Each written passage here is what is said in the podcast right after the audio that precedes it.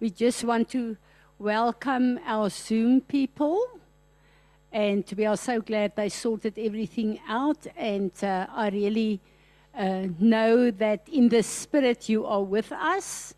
And uh, you are most welcome this morning.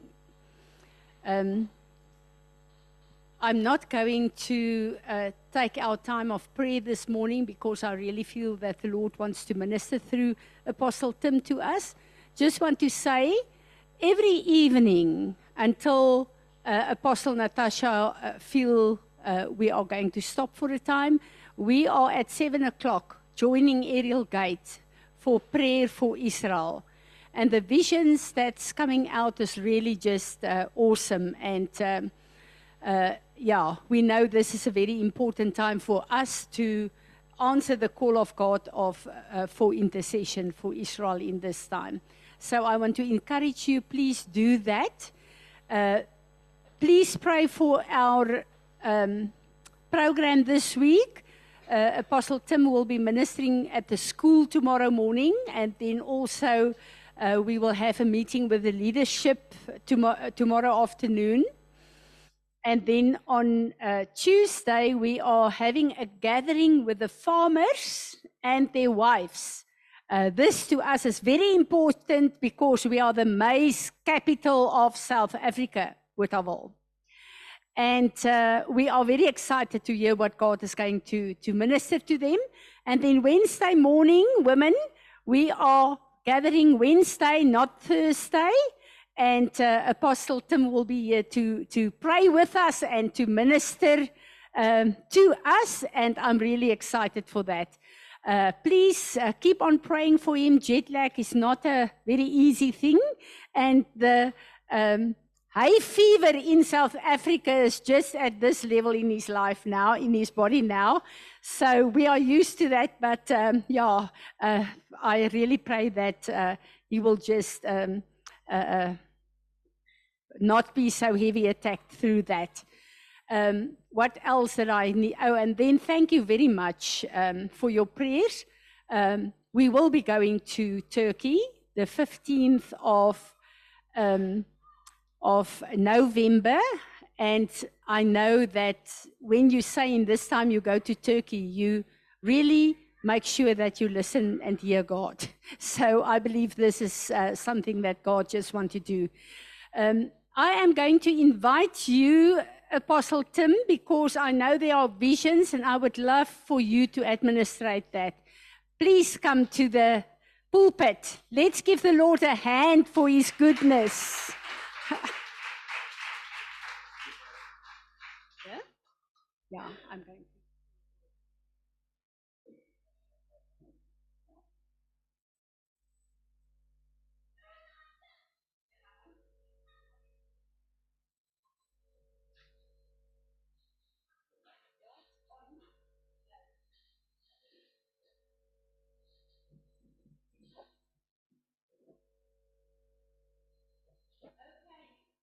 may I have that one?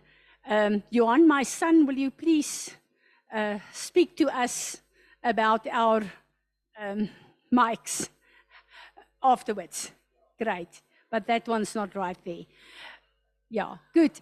Uh, I want I want to ask Peter, Natasha, and and, and um, Rudolph, just come to the front, please. Uh, I would love to, to hear and see what God is uh, showing in the spirit. And then we've got Apostle Tim to to um, minister to us. Uh, Tim, may I just pray for you? Stretch out your hands, please. Father, we just receive Apostle Tim in this house today as your instrument, Father. We are so excited for your download that will be like rivers and streams that will flow out to this place, Father.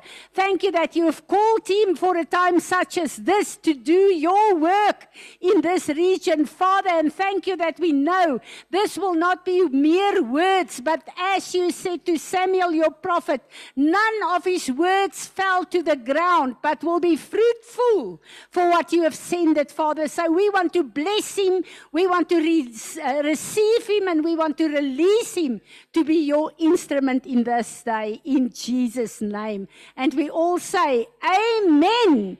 Thank you. Uh, guys, just come to the front. Rudolf, Piet, Natasha, and um, Apostle Tim will administrate. Hopefully. now I must speak English. um, okay, the Lord showed me the Bible as a scroll. And I can read the scroll, but it is like He says to me, I must touch, I must feel the words, and I must smell the words, and I must taste the words. And I don't know.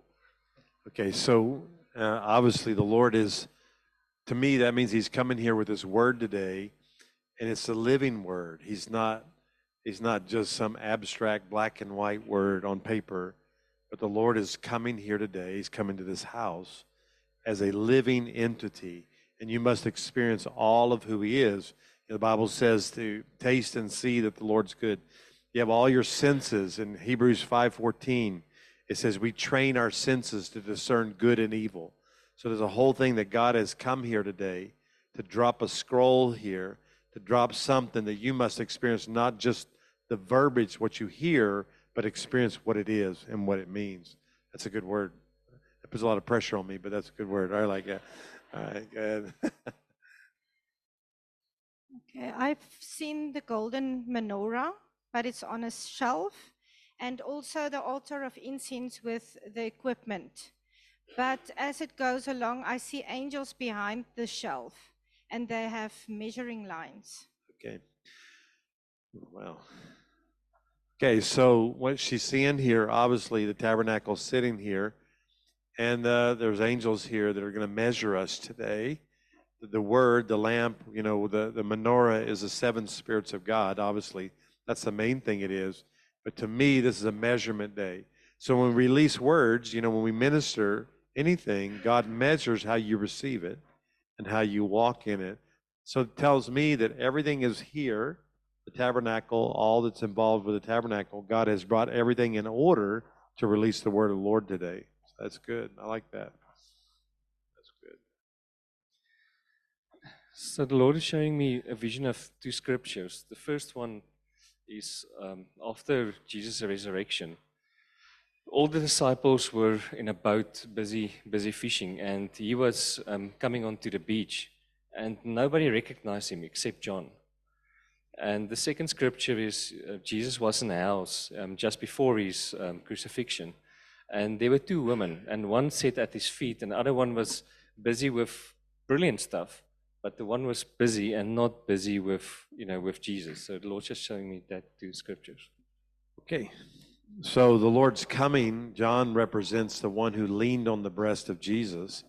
He was the one that was most intimate with the Lord, and the others didn't recognize it. So to me, God is asking to move into a place of intimacy with Him because otherwise you'll miss the day of your visitation. You think about that when Jesus came uh, at many times and nobody didn't did not recognize who he was and why he was there. So this is a challenge to us. This word's a challenge to us here to to really press in to know his appearing and when he's happening. I remember a guy named Neville Johnson. He's a prophet, and he told a story once where he had a vision. He saw Jesus standing in the back of a meeting weeping, and he asked the Lord in the spirit. He said, "Why are you weeping?" He said, "Because I'm here and nobody even knows it." And I think that's a picture that when Christ comes into a gathering, which he always is, two or three is gathered in my name, there I am in the midst of him. We have to have that discernment to know that he's here with us. And whether you feel him physically or not, we know by faith he's here. But I also want to experience him in what he's saying and what he's doing. And that's what he's seeing there. So that's good. All right. Anybody else? Okay. Well, good. Y'all are, uh, good morning. Good morning. Uh, I apologize, I don't speak Afrikaans. And um, I, I preach a lot in Germany, so uh, I'm used to quiet audiences and people just stare at me. Um, I wondered sometimes, I asked the Germans to please smile so I can see their teeth. Uh, so I'll ask you to smile, you know, so I know. I know you're not fully German, but Afrikaans has that problem. I mean, mixture uh, has some of that in there. Uh, but I, I, it's funny because two of my favorite places to minister in the world is South Africa and Germany. And I do by far South Africa is my. Don't tell the other nations I go to that, but but I do love the South Africans. You're so gosh, I just I don't know. Y'all are amazing, and uh, you're precious people. And I brought a couple gifts for our your leaders here, Johan and and um, Franzi. I'm not a good rapper. My wife's not with me, but um, she bought these for you guys. And uh, this is, uh, I know it's just a, a, cloth, but this represents Louisiana. And uh, this is a it's magnolia. That's our state flower. Y'all don't have magnolias here. Who let y'all have some? I mean, uh, okay, they're, there's, they're indigenous to Louisiana. And uh, the magnolia is a beautiful flower, but this is an evergreen tree. And uh, what that speaks of is the everlasting Lord. It speaks of healing and the blossoming of healing, but also it means that God can go backwards in time and forward, and He can heal anything of the past, and He can move you to the future. So He's everlasting God. He is Olam El, and I really believe this is when you see this, I want you to remember that that the Lord gives. And for Louisiana, that's our state. You know, we're French um, mainly. We're French. That's how we started from uh, from France. But um, this speaks of a state that was considered the most corrupt state in, in all of America. We had the most corrupt politicians. Y'all have something. Y'all know a little bit about that. Um, had the most corrupt politicians in all the United States. We were the last in everything. Last in education, last in wealth, last, last, last. And then we gathered together many years ago, a bunch of us leaders in Louisiana, and said, enough's enough. We're tired of our state being this way. We're tired of always being last. We're tired of being uh, a corrupt state, corrupt politicians, and everything. And we started praying around our state. I became a prayer leader, a coordinator in our region. And we began to do this, and we began to pray. And God began to move in our state. And it started with a, a man who became what we call our governor I don't know what y'all call him here, but we call him a governor. He was uh, working for President Bush Jr. in his administration, and the Lord gave us a prophetic word and said he was your next governor. So we called him to a meeting to our state capital, put him in a room. He's Catholic. Um, I'd say just rare, barely knew the Lord. And we sat him in a room with a bunch of prophets and apostles. And we sat him right there and we looked at him. We said, Look, God has spoken to us all separately, but spoken to us and said, God said, You're the next governor of Louisiana. And he looked at us and he says, I do not want to be governor. Uh, he said, I have no desire to be governor. This state's a mess. I do not want to have anything to do with that. And we, we could have just walked away from that meeting, but we didn't. We stopped and we said, Well, too bad. That's what the Lord said. And the Lord said, and we, get, we all went around the room and began to tell each one of us how the Lord spoke to us to tell him to be our to run for governor of our state. And he just sat there. He didn't know what to do. And he just said, Well, I guess if God said I probably should do it. I mean, he wasn't like he had a lot of faith or anything. And we we then gathered around him, all these crazy prophetic apostolic people, and we laid hands on him, which he freaked out because they don't do that in the Catholic Church, you know. And so we started praying over him, prophesying over him. He began to weep. He didn't know what was happening to him. He just knew some nice people asked him to a meeting. That's all he knew. And afterwards, he said, Wow, I guess I'll have to run. Well, he became our governor uh, of Louisiana for eight years, and he began to uproot corruption from our state. He was one of the most pure men I'd ever met. Was, uh, his parents were from India. Uh, he was an American, but he was from, they were from India. And he began to uproot the corruption in our state. And within eight years, our state went from one of the worst economies in the nation to one of the best. Everything in our state started going up, and we became not the last, but we started moving toward a higher level. And so when you look at this, think about South Africa, and remember that if God can do it for us, He can do it for you. He's the everlasting God. I just want to believe for that, all right? I know that's not a great gift, but it's a picture. My, my, my wife thinks it's a great gift, so it's a great gift, all right? um, and this we bought for you in Israel, even though we didn't get to go this time. And this is a uh, pomegranate. Uh, well, I can't. I won't open it, but you put hot hot plates and stuff on it. But it's a pomegranate ceramic, And uh, the pomegranate is very important, you know, in the history of the Bible. Uh, and I wanted to speak this over you. Um, because in the pomegranate, there's no flesh, only seeds.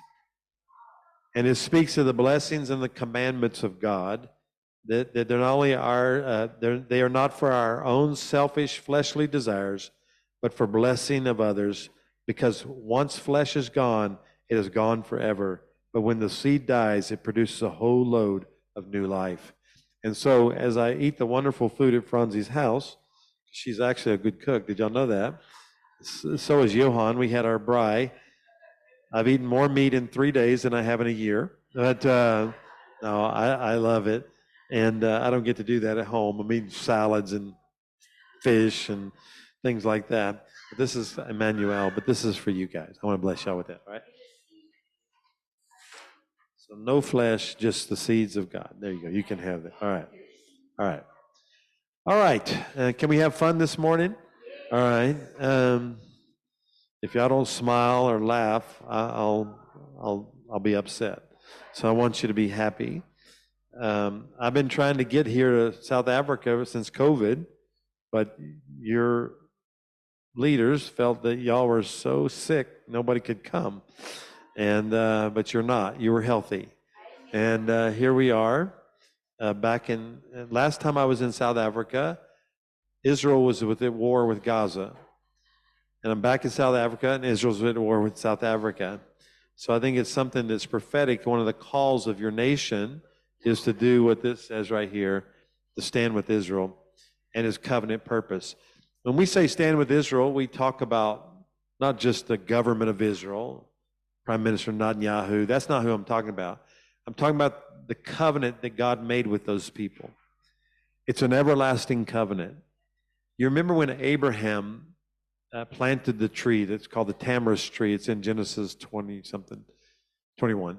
As he planted this tamarisk tree, it, tamarisk tree is a very unusual tree. It takes about 400 years to grow. And it's a picture, it's an everlasting tree, it's an evergreen tree as well. But it speaks of, and he named it the everlasting God, which means Olam El which means he's a God outside of time. That's why the, the, I thought that was important about the magnolia. That God can go back and heal anything in time. Uh, you do a lot of repentance in this house. I think the first thing you do when you walk in the door is you repent of something. Uh, I, I, I, think um, the gift of repentance that is on South Africans, and especially this ministry, is so critical because it, it, it opens a door in the pathway to the future. Because if I don't deal with my stuff of the past, I can't get to my future. And so there's a whole thing about Olam El, and me and uh, and Johan were talking yesterday. Um, God has the ability to go back in time and touch an area of your life that has never been touched before and heal it. When you get revelation of that, you can go back and repent for the act that happened then, and then God brings you forward as if no time had been lost, which is what Joel says. He restores the years that all the locusts have stolen. And I believe that's a word for this house.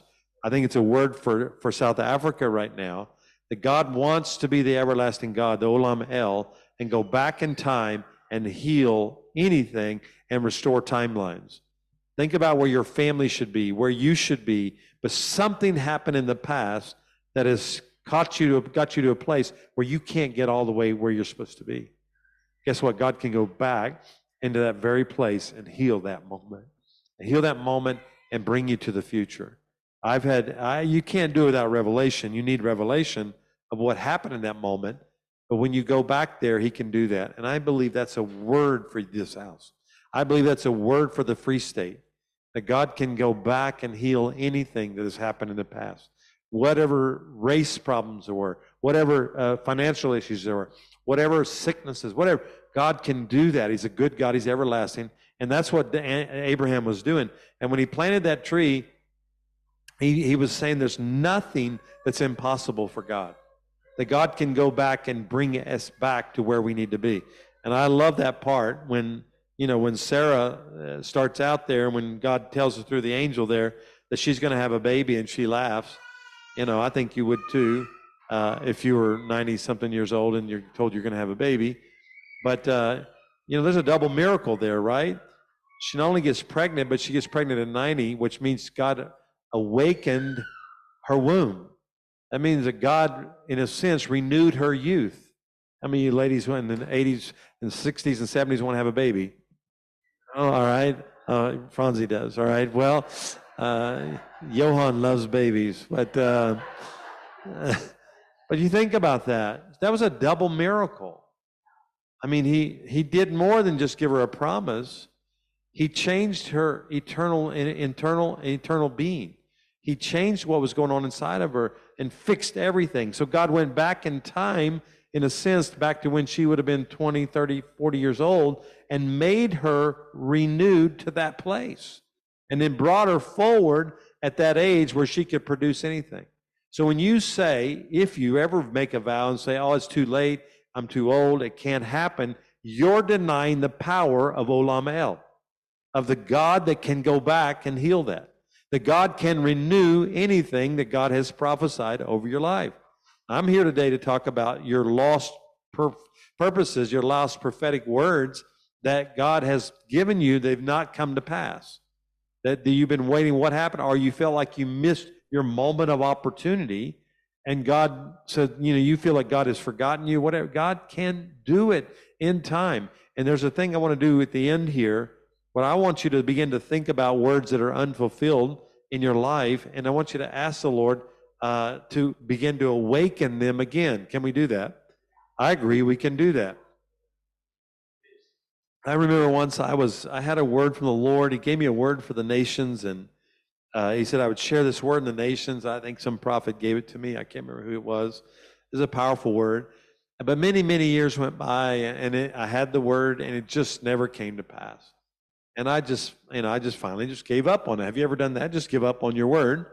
I just put on the shelf or put in the closet or whatever. And then uh, I'm in a service as worship is going on. This angel appears to me.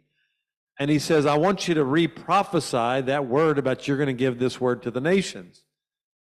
And I was, I, you know, stupid. I was just stupid, all right? And there was a times, there's times that you just don't recognize the hour of visitation. It's like we talked about this morning. And I said to this angel, which I can't believe I said it, I said, Look, I've already prophesied that. It didn't happen. And I, I realized I didn't want to believe it because I didn't want to be disappointed. And many times, words over your life you don't want to believe for because you're, you're disappointed. It's hope deferred. You feel like it's not going to come to pass. So you don't want to get your hope up. So you don't say it anymore. And that angel said to me, I want you to prophesy it again. And I didn't understand that concept. Why prophesy something that's already been prophesied before? But there's a power in re prophesying because what you're saying is you're declaring it again. And every time you re prophesy a prophecy over your life, it has the same anointing on it as the first time you ever released it. And I didn't understand that concept because I didn't understand Olam El. Because in God's time, it's still alive as if it was spoken that day. So if you had a prophecy 10 years ago, God doesn't see 10 years ago. He sees it still alive today. And it says that He hovers over His word to make sure it comes to pass. So while you leave, He hovers. While you give up and put it aside, He hovers. And all He's waiting for you is to get back to where He's hovering. Amen, Pastor Tim. That's an awesome word. Uh, I'll encourage myself. All right? So I remember I did this in the service. I said, okay. And I just was like, okay, I'll just obey. And I re prophesied the word. Lord, you, you gave me this word. You said I'd speak it in the nations. I redeclare it and I'd say, Lord, let it come to pass. And some faith came in me. I actually got some faith going for the first time in a long time. So the next day, uh, me and Susan were traveling. We were going to drive uh, to another area of our nation. It took us about 12 hours to drive. And uh, so we were driving and on the way, I have a prophetic friend of mine. A very he has a big ministry. He's on television, et cetera, et cetera. So uh, I'm, I'm, going, and I thought, well, you know, we're going by there. Why don't I just call him? We can have some coffee, and you know, because we were just passing through his city, and So I called him. I said, Hey, brother, we're coming through. Why don't we have some coffee? He said, Oh, yeah, sure. So we come there, we meet. We're having some coffee. I don't, I don't drink coffee, but I drink tea. Anyway, we're drinking and we just get to talking. And he goes, You know what, Tim? He goes, I'm in, in about an hour or so, I'm about to film my show. Uh, you know, it's seen in all the nations. He said, uh, Why don't you come and be my guest on my show today? And I thought, well, okay, I got the time. You know, I didn't think anything big of it. So we go in the studio, they get us all mic'd up, you know, and the lights, camera action, you know. And the Lord says, now is the time to release that word. And I just had prophesied it the day before. And he said, This man has a platform to the nations, and this is your moment to share it to the nations. And I thought, wow. You know, God never gave up on that word, but I did. How many of you in this room have given up on your words? Don't raise your hand, don't embarrass yourself. But but if you've not been prophesied here, I, everybody's been prophesied here, right? Should have been at one time. Has anybody in this room never had a prophecy over their life? One person. Okay. Anybody else? Okay, that's good. So everybody has at least one word. And and there's something over us that we have to say, God, I want to have that word in my life and I want it to live. And so I, I recognize, and I repented, Lord. I said, forgive me, number one, for, for giving up on anything. You remember in Ezekiel 12, when um, the people were, God had given a word to the, Israel, and they just kept saying, oh, that's just for some time way in the future, you know, instead and they had actually, it says, the word says they made like a proverb. You know what a proverb is? A proverb is something that people say so many times it becomes a saying it becomes common, right? And so it became common in Israel that this word is not for us, nor is it for now.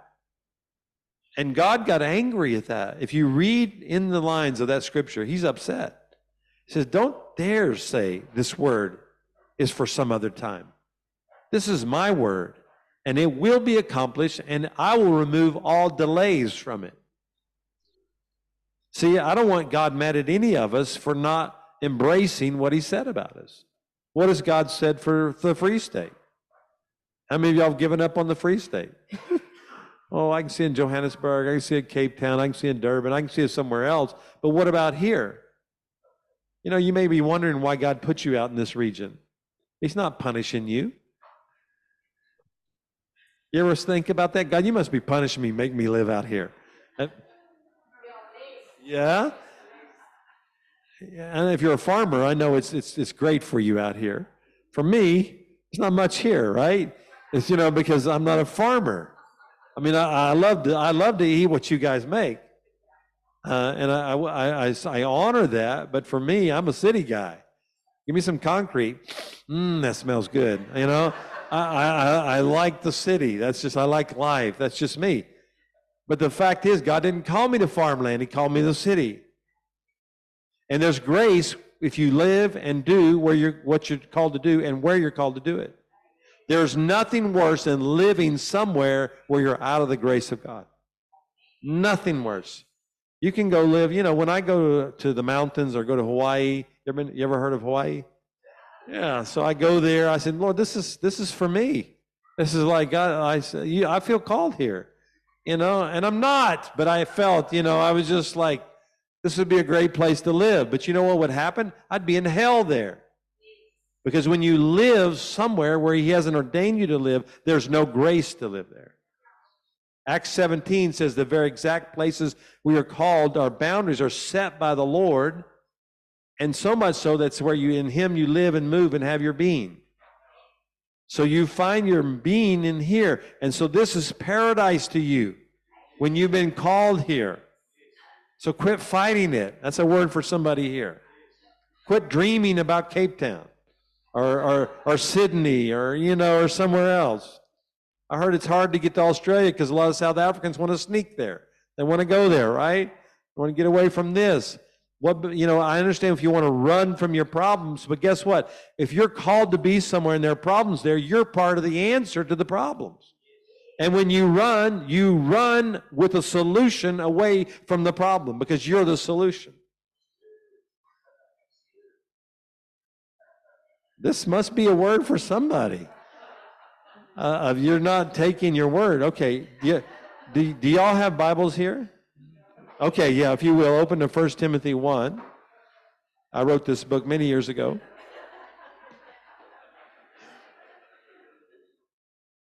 I have a my security team in my church because we live in a pretty rough area. I have a security team and I have a code word.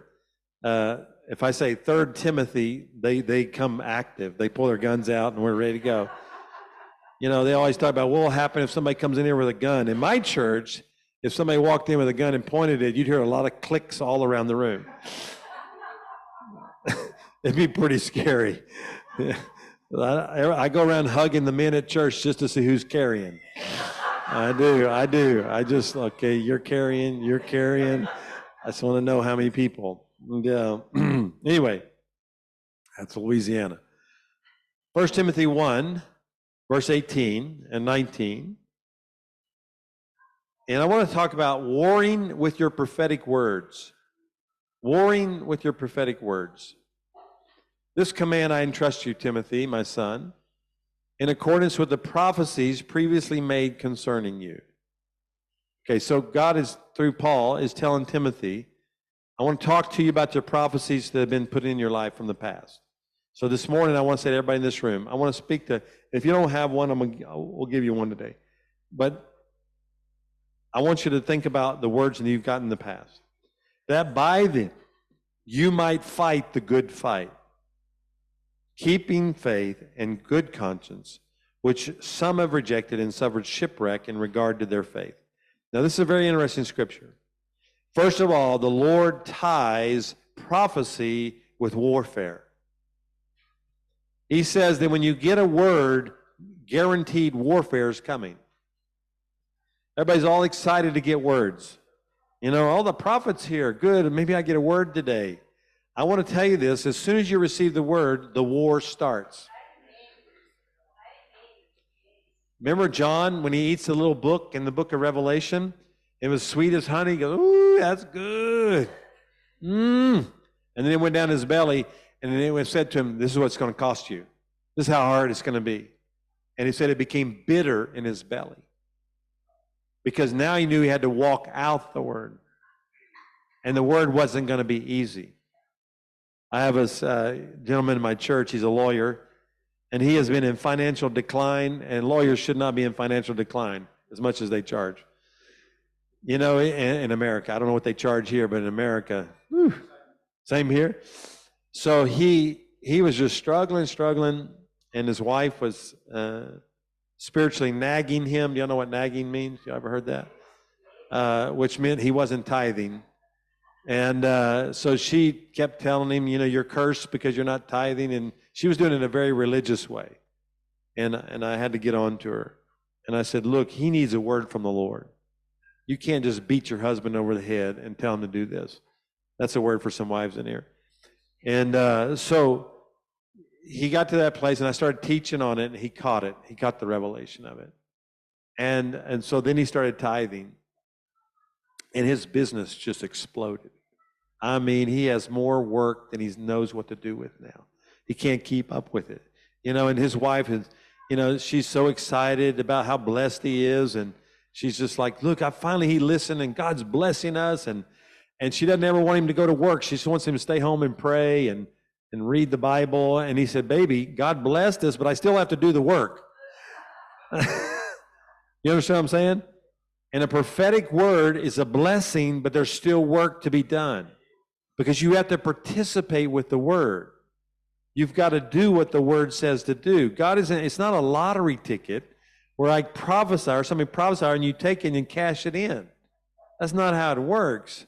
You got to sow into that word. You got to pay a price into that word. You got to be faithful to that word. So when you say, well, God's not, he's not being faithful to his word, and God's looking at you and say, look, I was faithful to give you the word. You must be faithful to walk out the word. It's not God's responsibility to walk it out, it's yours. God's done his part. He said, I'll supply it, I'll bring provision to it, I'll make it happen. All you have to do is your part. So guess what? It, the responsibility is on you. It says here with a clean conscience. And I want to say this. He says here, uh, with, a, with clean conscience, as some have rejected and suffered shipwreck regarding their faith. So a clean conscience is connected to good faith.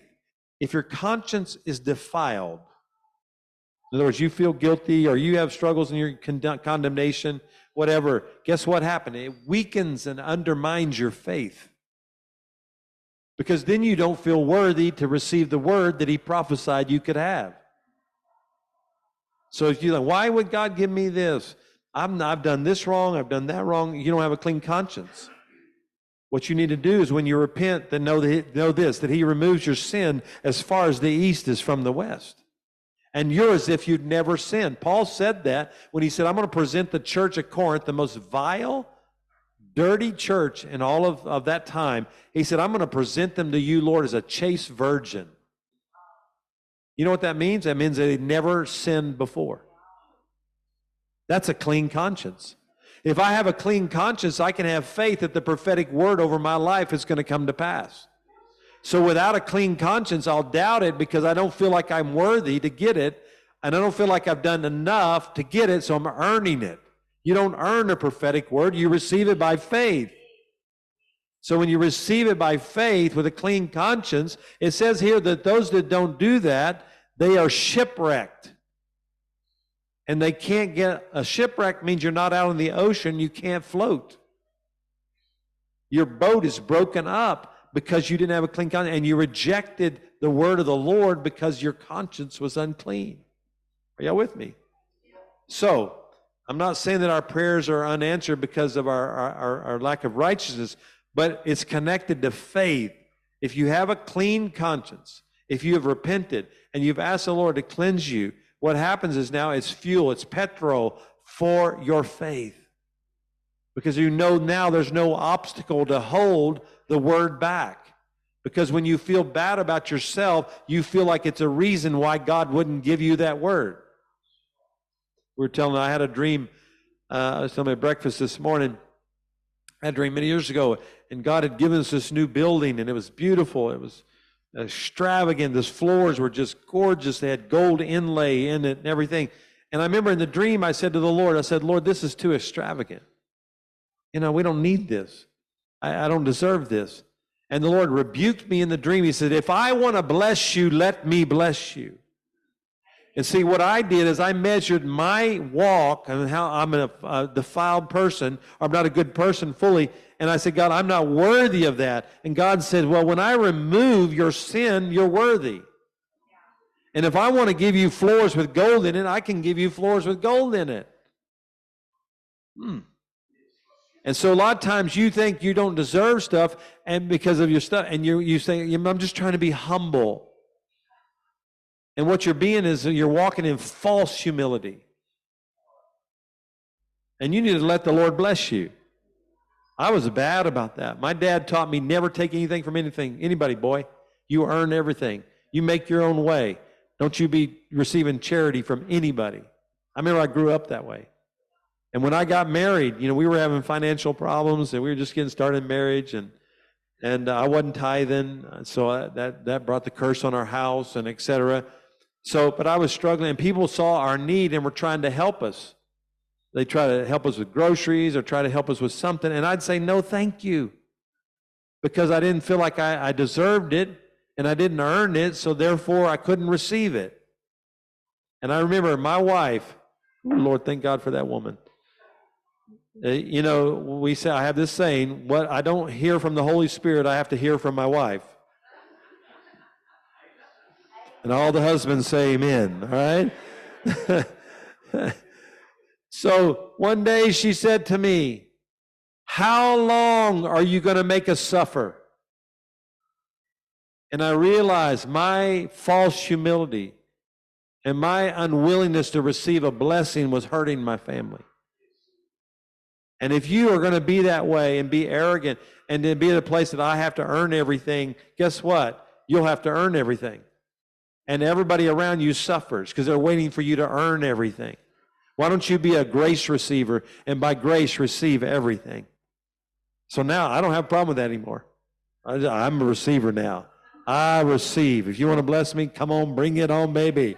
I, I'm just, I learned to receive because it's more blessed to give than to receive. But he didn't say it's not blessed to receive.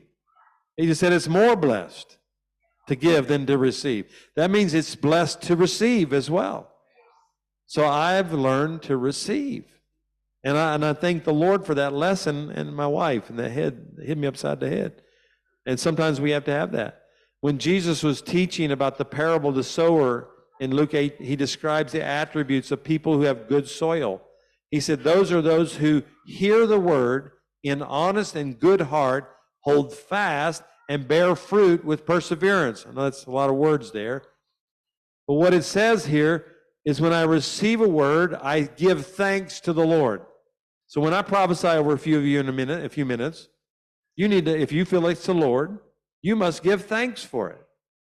I'm going, I don't know if that's right. I don't know. He, he looked like he wasn't on today. You know, whatever. don't despise prophecy. Even if you don't fully understand it yet. God, thank you for that word. I, I received that word. I remember uh, this guy from IHOP. It's a place in America, not the restaurant, but it's a international house of prayer. He's a prophet from there. So he comes to our church, early 2000s, and he said, he stood, started prophesying to me, and he said, You're going to be used by God. You're going to speak to political leaders. You're going to prophesy. You're going to prophesy to governors and senators and, and kings and all this kind of like, oh, please. I mean, I'm just, I had this sorry attitude. I'm like, first of all, I don't have anything to do with politics, period. It's all corrupt. It's all evil. I don't want to have anything to do with it. That's, that was my heart. And he just kept prophesying. And I put it aside. I just like, that guy missed it. Uh, we should add some stones. You know, like the Old Testament, when the prophet missed it, you stoned him. You know, that's what I was thinking. and because he did it in front of everybody. You know, as a church, I'm like, geez, now everybody's heard that. They're going to go, Pastor Tim, why aren't you working politicians? You know, because I don't want to. And I, and I think they're corrupt. And I felt like it was my godly responsibility to stay away from it. What I didn't realize, it is dark and it is corrupt. I was right. But the fact is, if light doesn't go to darkness, then darkness gets darker. So then, uh, a few years later, I'm at a meeting, and this guy I honored and a minister friend of mine, an apostle, he started talking about all the work they were doing with politicians, and God was using them. And, and I thought, oh, yeah, I remember that word now. You know, and he started praying over me. And the next thing you know, I was starting to engage politicians and recognizing that they're humans just like we are. They need encouragement, they need words from the Lord, they need help. And I realized, oh my, Lord, I was wrong to not embrace that word. And I didn't, I, I, I, did, I need to, with good faith, like it said here, with an honest and good heart, hold fast, bear fruit with repentance here, with perseverance. And to give, perseverance means you're going to go after it. So then I repented you know, I, I pulled Natasha's repentance book out, you know, and went and did all that, you know. I repented, and next thing you know, God kept sending me to politicians. If you just saw the news this week uh, in America, we got a new, what we call a Speaker of the House. Did y'all see that? Did y'all see that? His name is Michael Johnson or Mike Johnson. He's a personal friend of mine. I'm not saying that to brag. He lives in my city. He's preached in my pulpit numerous times. He's a, a mighty man of God. And I remember the day when I started this journey about working with politicians, and I got on the phone with this man and I prophesied to him to run for office. And he argued with me the whole time about not wanting to run. And he just like me. And he goes, I don't want to run. He said, I got four kids, small kids. I don't want to live in Washington, D.C. I want to live in Louisiana. I don't want to put them through all this and da da da. And he just kept saying, and I, had talked to him for two hours to convince him that this is what the Lord said for him.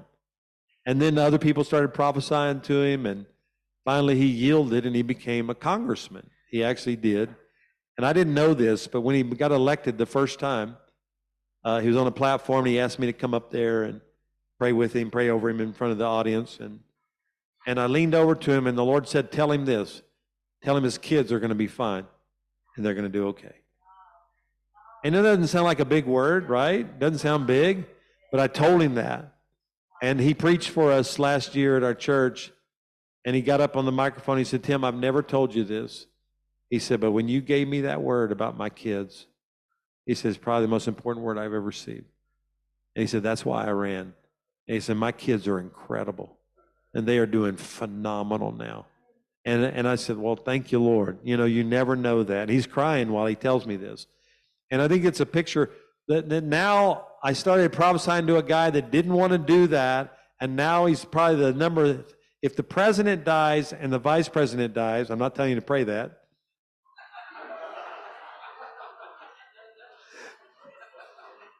I feel anointing on that, you know, then uh, if they were to die, he actually becomes president. That's the way our government works. So he's, he's in line, he's the third most powerful man in America. And it started with me telling the guy to do something he didn't want to do and prophesying. But when he embraced it with perseverance, went after it, he's persevered, and now God has exalted him. He didn't even want this speaker position. I was with him last week. I gave him a prophetic word almost two weeks ago, and he didn't. He said, "I don't want this." He said, "This is a suicide mission," and I said, "No," but God said, "You know, this is the moment for him," and he embraced it. He said, Okay, God, like it said there, like Jesus said, when that word goes in with an honest and good heart, hold fast to it, bear fruit with it. And he said, Okay, if the Lord wants me to do this, I'll submit my name. And he said, Obviously, he's asking me to do this. Look, I want you to know, two weeks ago, nobody gave him a shot. No way. And when they voted, he got every single vote. It was a miracle. And then he got on national television. If you saw his speech, he had his Bible, because I've seen his Bible before in his office. He took it up there on that, plat, that podium when they announced he's the Speaker of the House. I said, That's his Bible. I've seen it. I know it. I know what he's doing. He brought it up there. And he said, My worldview is this. Everything I look at the world with, I look through this. And this is his worldview, is what we call a biblical worldview. And it's shocking because the evil people didn't know him, he was hidden and I want you to understand that a lot of times your prophetic word, God hides you until your proper time. Because had they known what he believed, they would have never voted him in. But because of the chaos and desperation, God had a perfect plan and brought it about. And afterwards, they freaked out. Even some of them that voted for him, they go, Oy vey. We just voted for a guy that's like that. And it was too late, too bad, too sad. It's over.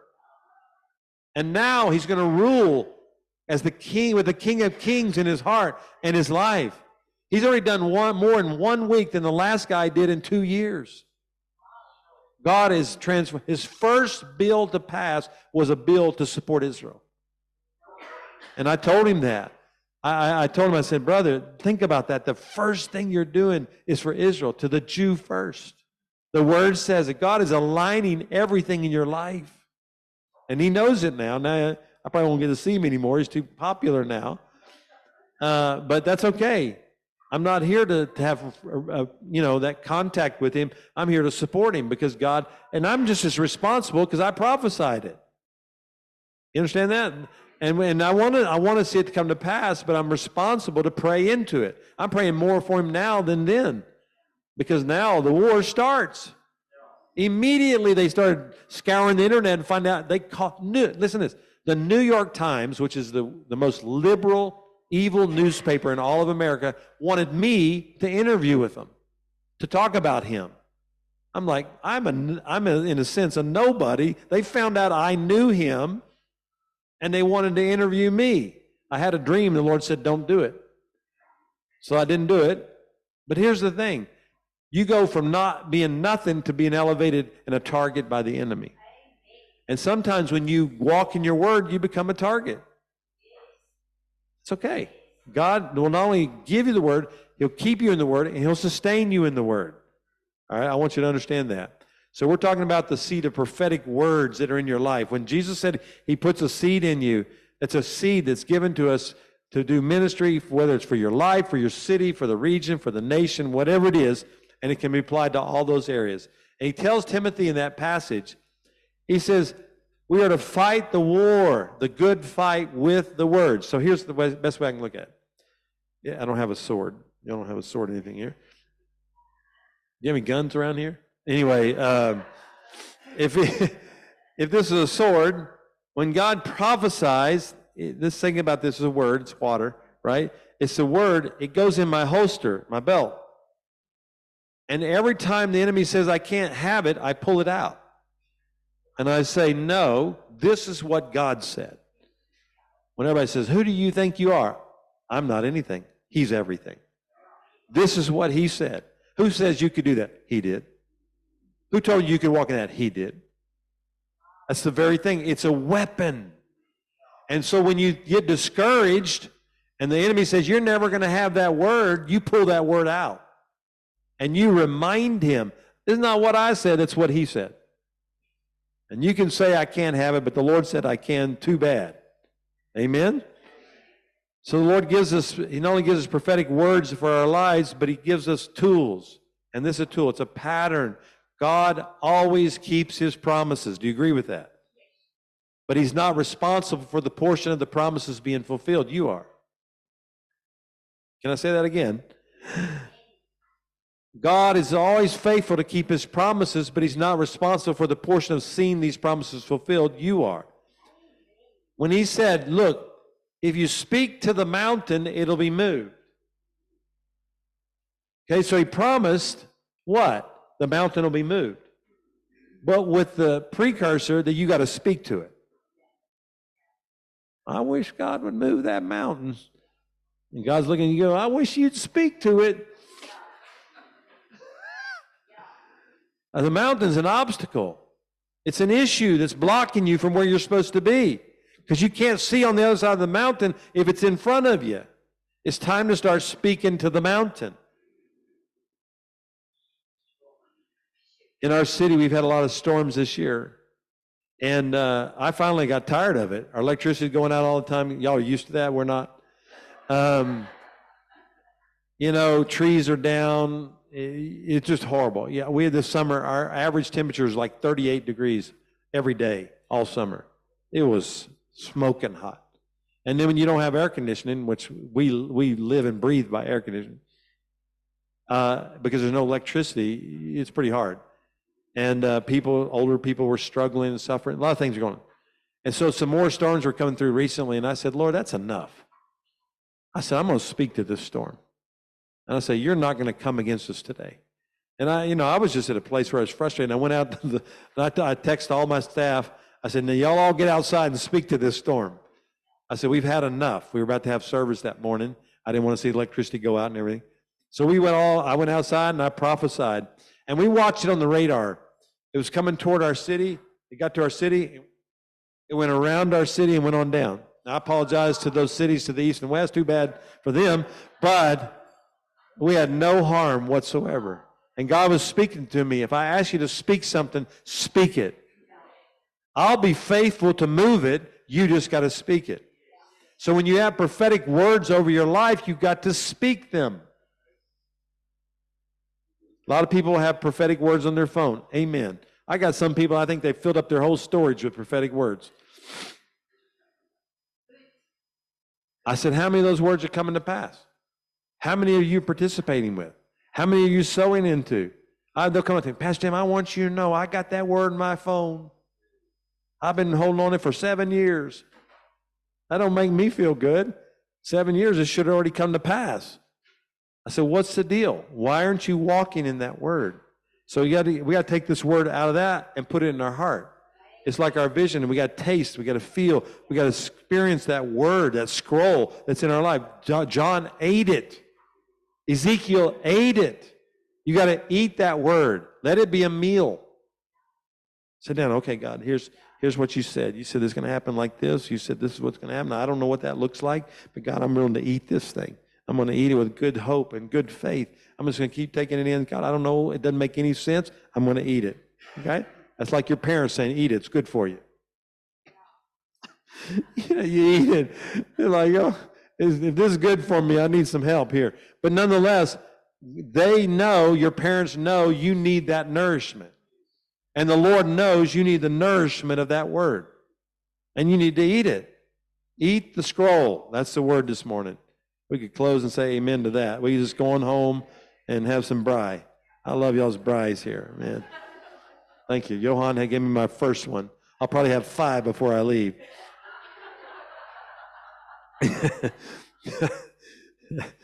my cholesterol probably goes, but it's okay.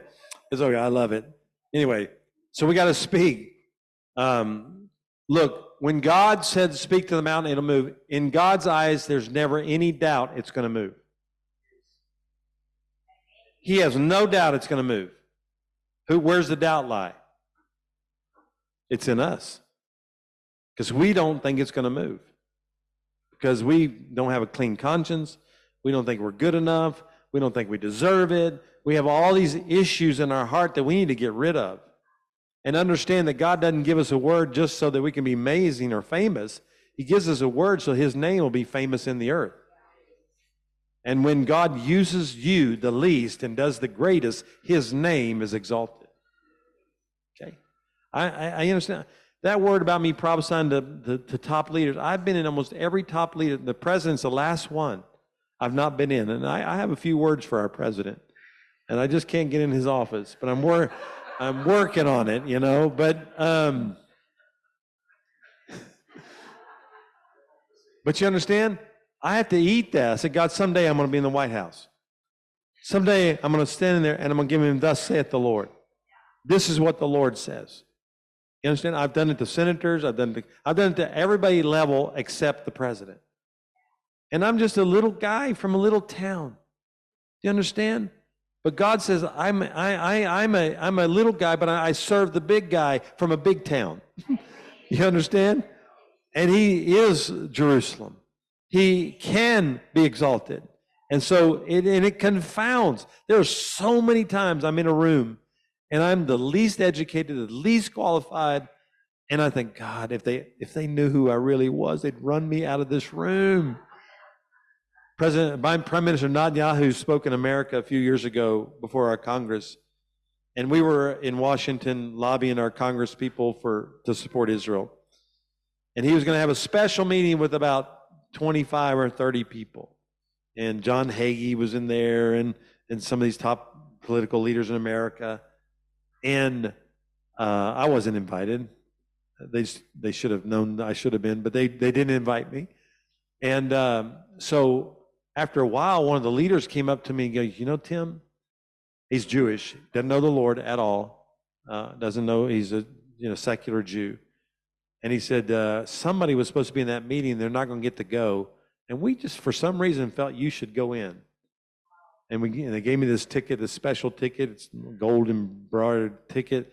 They said, why don't you, you want to do that? And I said, oh, yeah.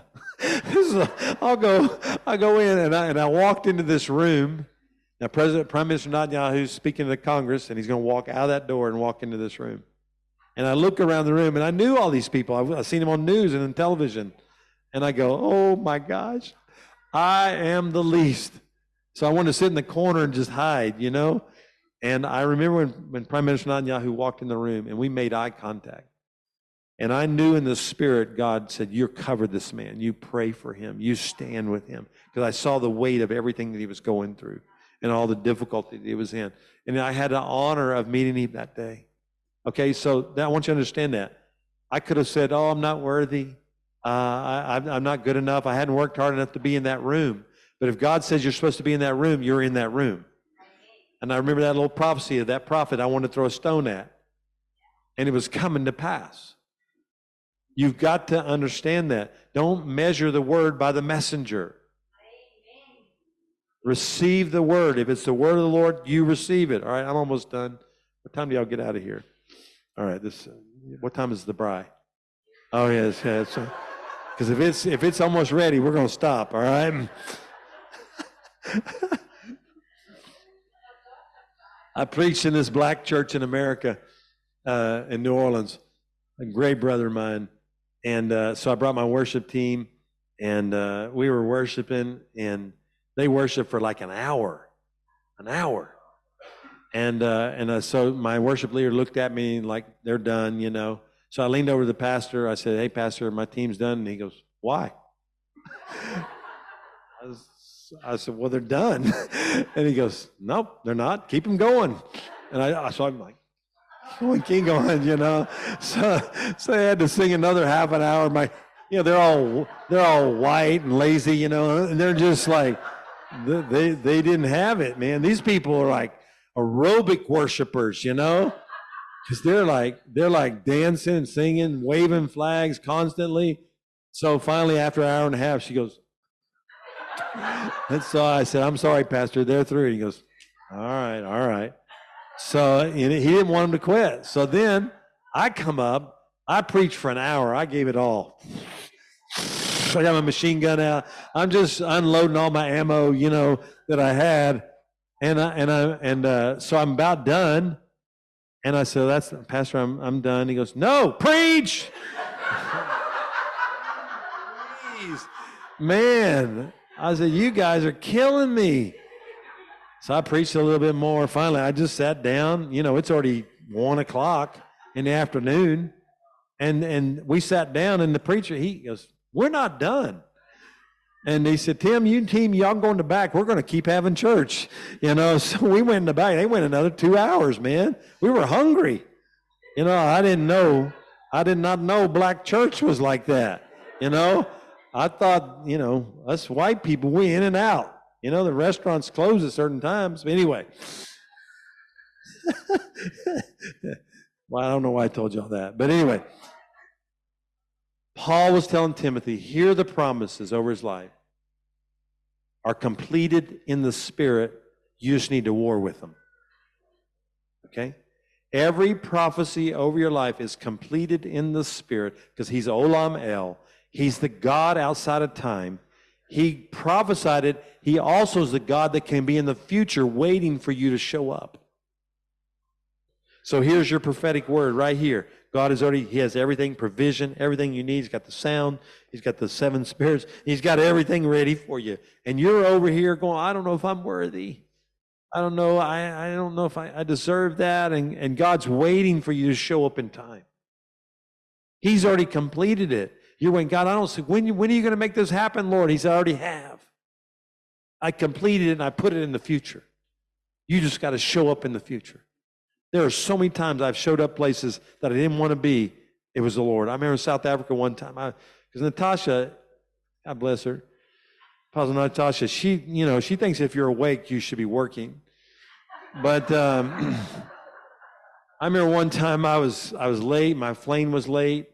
Uh, I got delayed, and they had planned a meeting for me when I landed in Pretoria. And um, I knew it was going to be a couple hours late, and I texted her. I said, Natasha, I'm sorry. I'm not going to be able to make that meeting. I said, Can you please tell them I'm not going to be able to make it? I'm, my plane's delayed. She texted me back. Here's what she said With jet fuel in your nostrils, you'll be there. that's, that's, that's the word. And you will minister. I'm like, okay, you know, so. Because here's, here's the thing these people had been waiting for like a year for me to come. The table had already been set, the anointing was already there, everything was ready. I had an attitude over here. And there's a time you just got to show up. And I remember I walked in that room. It was, I think you were, I don't know if you were there, Marinas, but it was at Maki's house. And there's about 50 people. They walk in and they start clapping. The prophet's here, you know. I feel like scum. I mean, I, I've been on a plane for 20 hours. You know, I'm just like, you know, I, I had no anointing.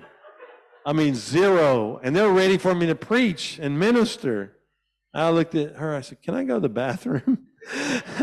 so I went in that bathroom. I said, God, you got to forgive me my bad attitude. I said, I've, I got to brush my teeth. I got stuff growing on them. And uh, I, I, I got to get something. I got to get the anointing. God, please show up. I said, I don't feel anything.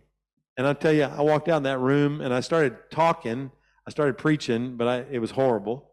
I don't even know what I was saying. I was just making stuff up. I think because I, I, was I was so jet lagged. I was just like there, and and and I finally said, "Is it okay if I just prophesy?" And they go, "Yes." And it's like, okay. So all of a sudden, the anointing just started flowing. energy started coming into my being. The table had been set. God had told those people to be there. He told me he had already, those prophetic words were already there. And all I had to do was take them, eat them, and share them. You understand? So I started prophesying for like two and a half hours. And I have, to this day, I have no idea what I said. And people still to this day tell me that that word changed my life. I said, that's good. I don't remember anything. I feel like that's what the anointing will do for you. And I think about that. There was another time in South Africa, I was tired after I had flown to Joburg and then I had to go to Cape Town. And, and I said, Lord, I don't know if I'm supposed to be here. I'm just like, God, I'm so tired. I love these South Africans, but they need to move closer to America. They've got to move this nation. It's too far away. I'm just like, I'm going to cut it off and just move it to Mexico. That's what I'm going to do, all right? So, anyway, so they put me in this hotel room, and you can see Table Rock. What's it called? Is that what Table, Ma- Table Mountain. Yeah, you can see it through the window of the hotel. And I walk into my room, I got a bad attitude again. You know, I'm tired. And I walk in there, and I remembered I'd had a dream. And I dreamed about this room. And I dreamed everything in the room. I remember the mountain. I remembered everything God was going to do. And I said, Oy vey. I'm in a moment with the Lord. This was timed. It talks about that in Job. He says, I give you a dream and a vision. I seal instruction in your heart. And I realized it was a divine appointment that I was supposed to be there, and I had a bad attitude. And that meant that all the words for Cape Town were already ready, and I needed to show up. Well, what happens if you wouldn't have showed up? God would have sent somebody else. And listen to me God would have sent somebody else. Remember Esther?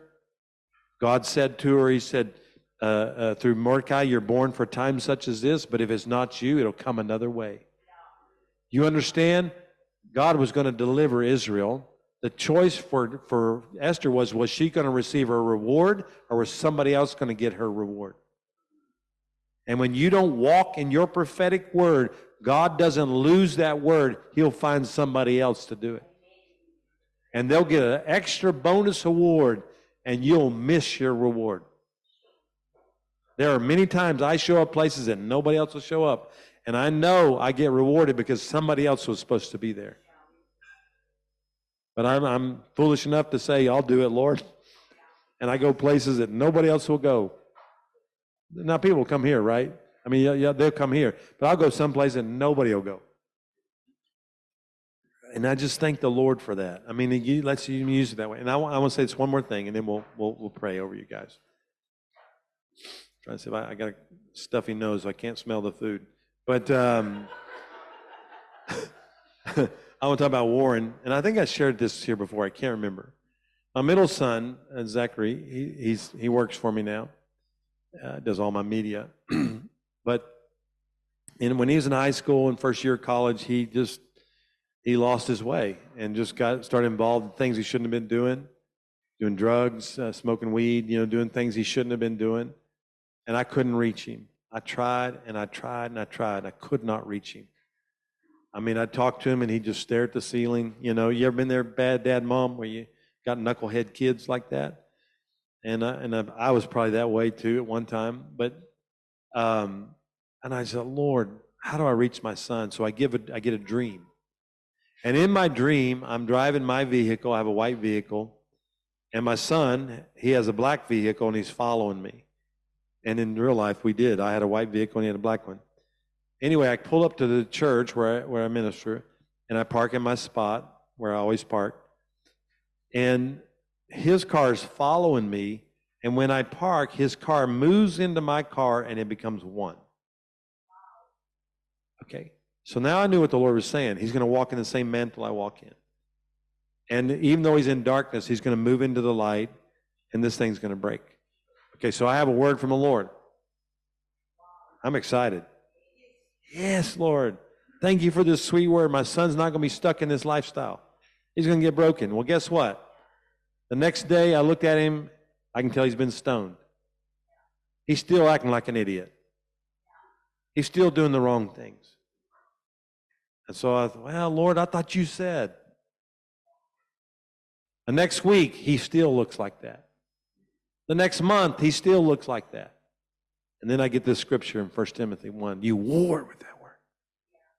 So every time he looked like that, I'd say, I don't care what you look like. The word of the Lord said, You are not going to live in this lifestyle. You're going to come out of this lifestyle and you're going to walk in this thing and you're going to walk in. And I just started warring. I pulled it out of my belt and it became my tool, my weapon. And I prayed it and I prayed it and I prayed it. Every day when I thought I was going to lose him, I said, I'm not going to lose him. He's coming into the kingdom. He's going to serve the Lord with all his heart. Okay? And then it happened.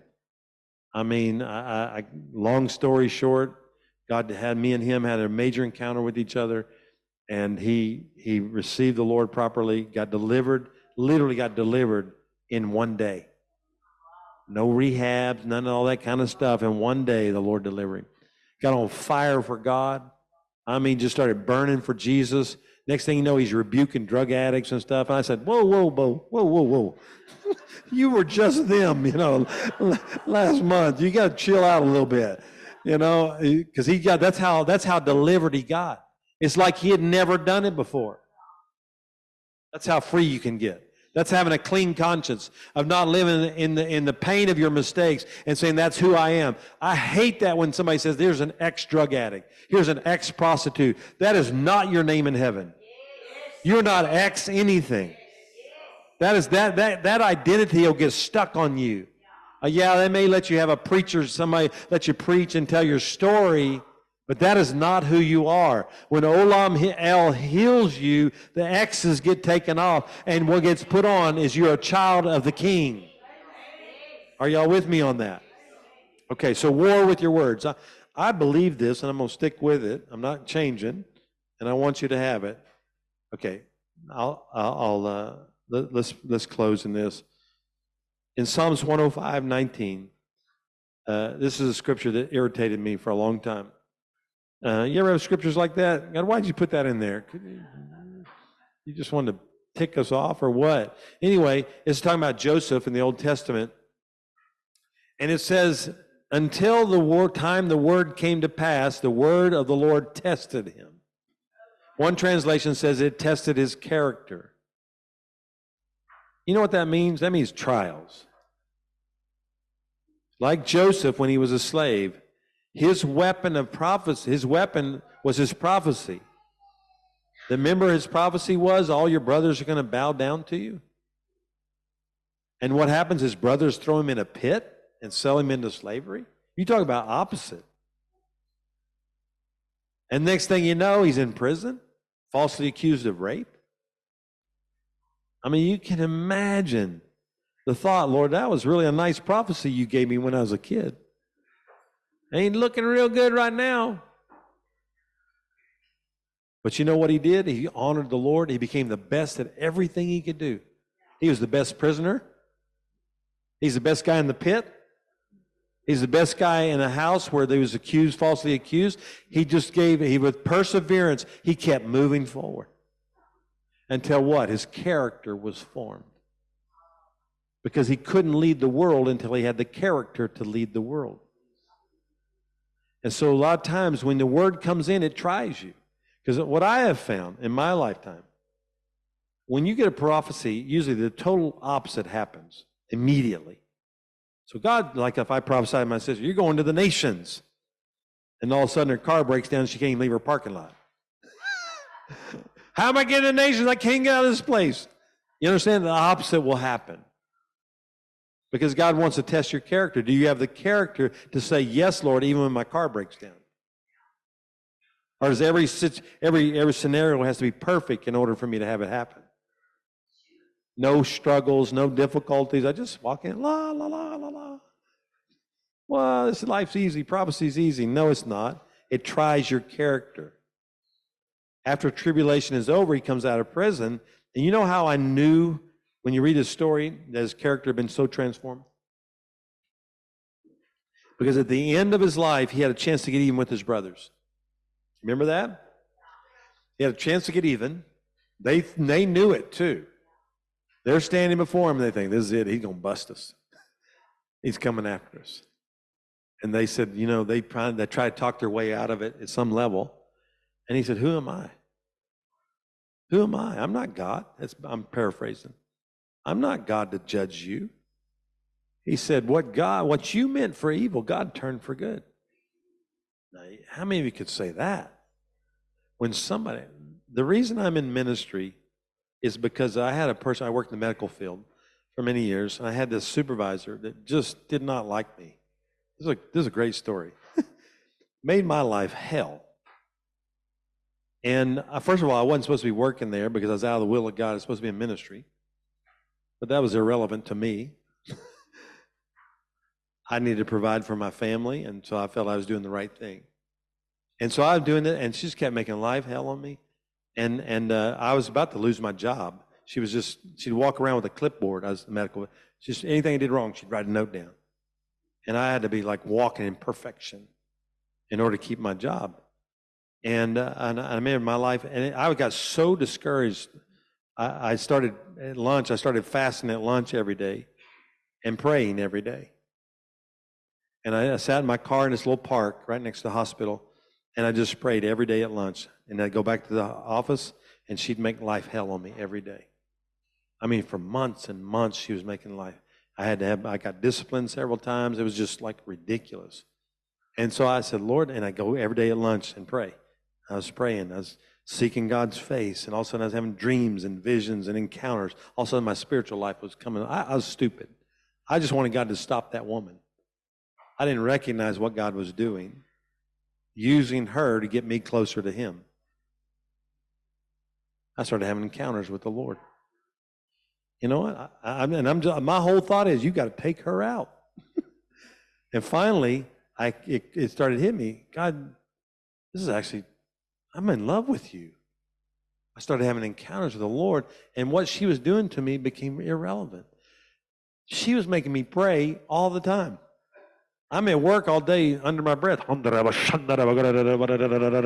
And I'm doing I'm doing all this all day long, you know? Because I have two kids and a wife at home. You know? And this is all that she was like possessed by the enemy. But I'm telling God had a big part in it. It was really God.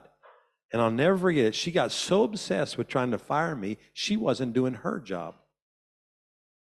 And eventually she got fired because she wasn't doing her job because her job she had spent was to fire me. And God kept protecting me in the midst of all that. And I didn't celebrate that she got fired. I just celebrated that God took care of the problem, but He used it to bring me close. And that encounter is why I'm in ministry today. Because I kept pressing in, God started telling me about being in ministry, and I am in today. And I had to look at that woman and say, Thank you, God that you sent her in my life to do that. Now, this is the kicker. Many years later, I'm preaching, and somebody walks in the room, and it's that woman. I'm like, Are you serious? I can't believe she's coming here. I'm pastoring now. I've been pastoring for quite a few years. And she sat down, and, and God gave me a dream about her, about her call. I walked up to her one day on Sunday because she kept coming every week. I said, God gave me a dream. I started prophesying there. Get this. She ends up, starts, she's divorced. She starts dating another friend of mine in the church, a doctor who's divorced. They start dating and they ask me to marry him.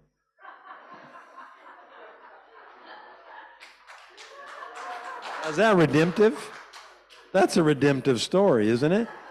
And he tells me all the time, he says, that, his wife, I won't say her name, but he calls her name. He says, everything she you say, she says is the Lord. I, I hear your name in my house all the time. Pastor Tim said, Pastor Tim said. And this is a woman trying to get me fired. And now I'm her pastor. Now I speak into her life. Come on. That's redemptive. And, and had, had I gotten bitter, I wouldn't have gotten better. I wouldn't be where I am because that was a gift from God. When you get a word, it will test you.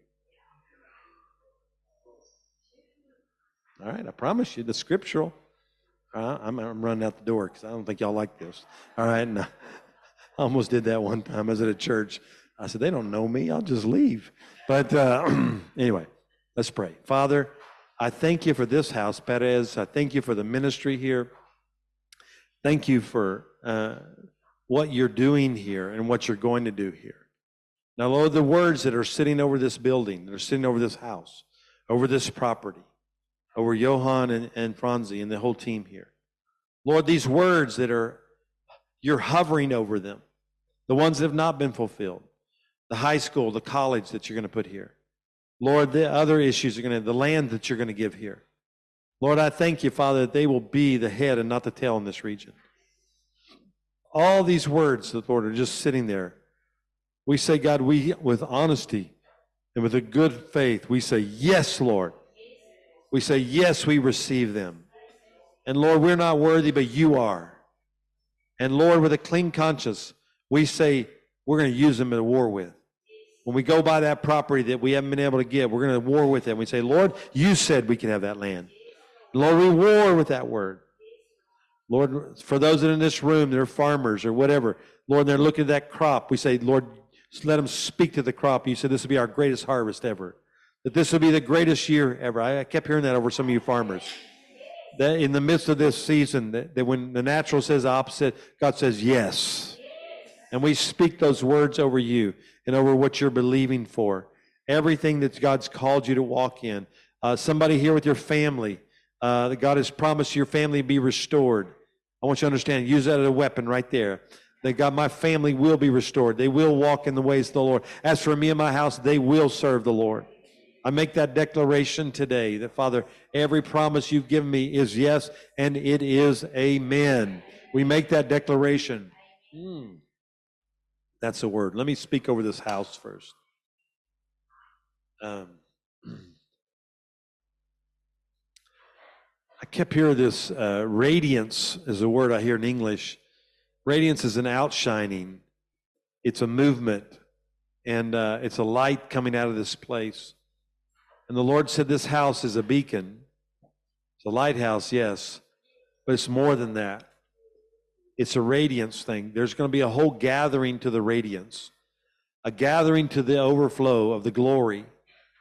And I just kept seeing the Lord roll in here with glory, waves of glory rolling and beginning to wash over people and wash over the word and wash over every promise.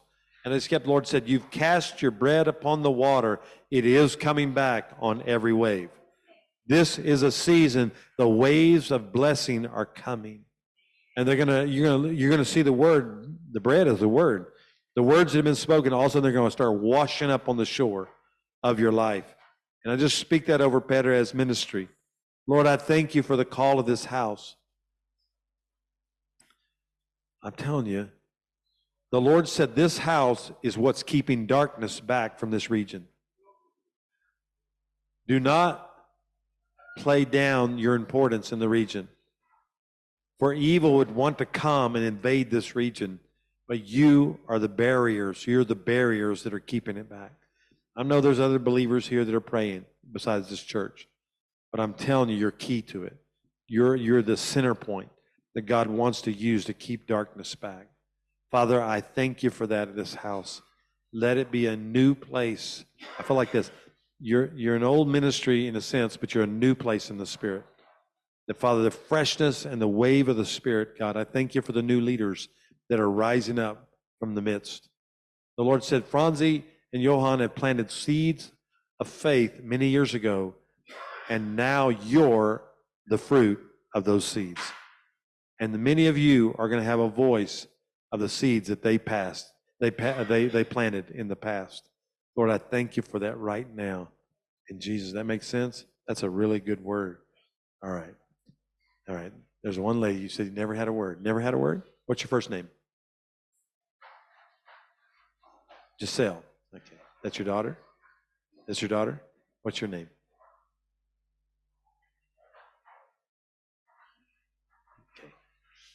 All right.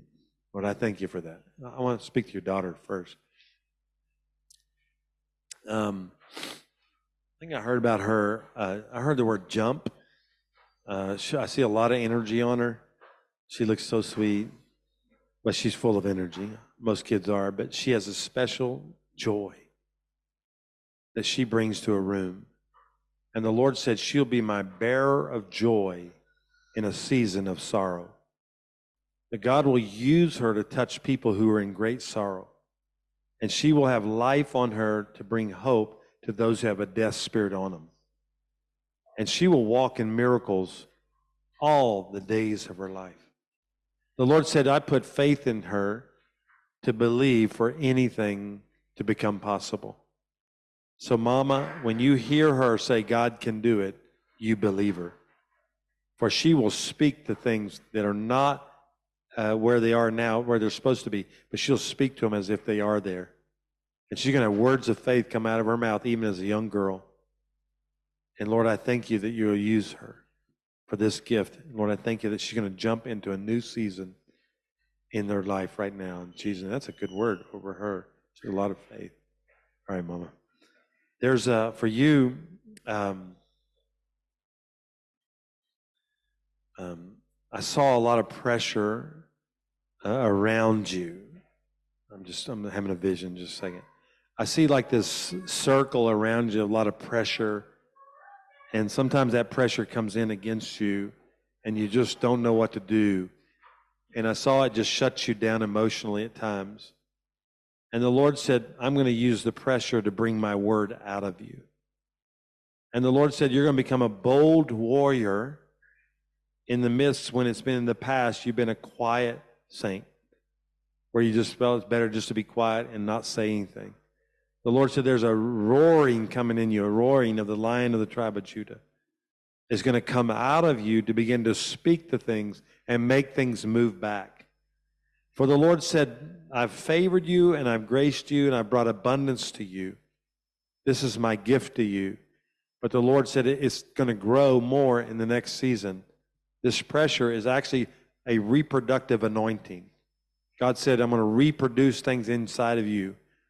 And I saw your spiritual womb become alive and birthing new things. So I speak to your body, uh, spirit, soul, and body, and I just say, come alive and begin to press into what God has for you. There's some things you're believing for. You feel that, that they're never going to come to pass. This word was for you today. They are going to come to pass. There's some things that you've given up on, those don't give up on them. They're going to come to pass.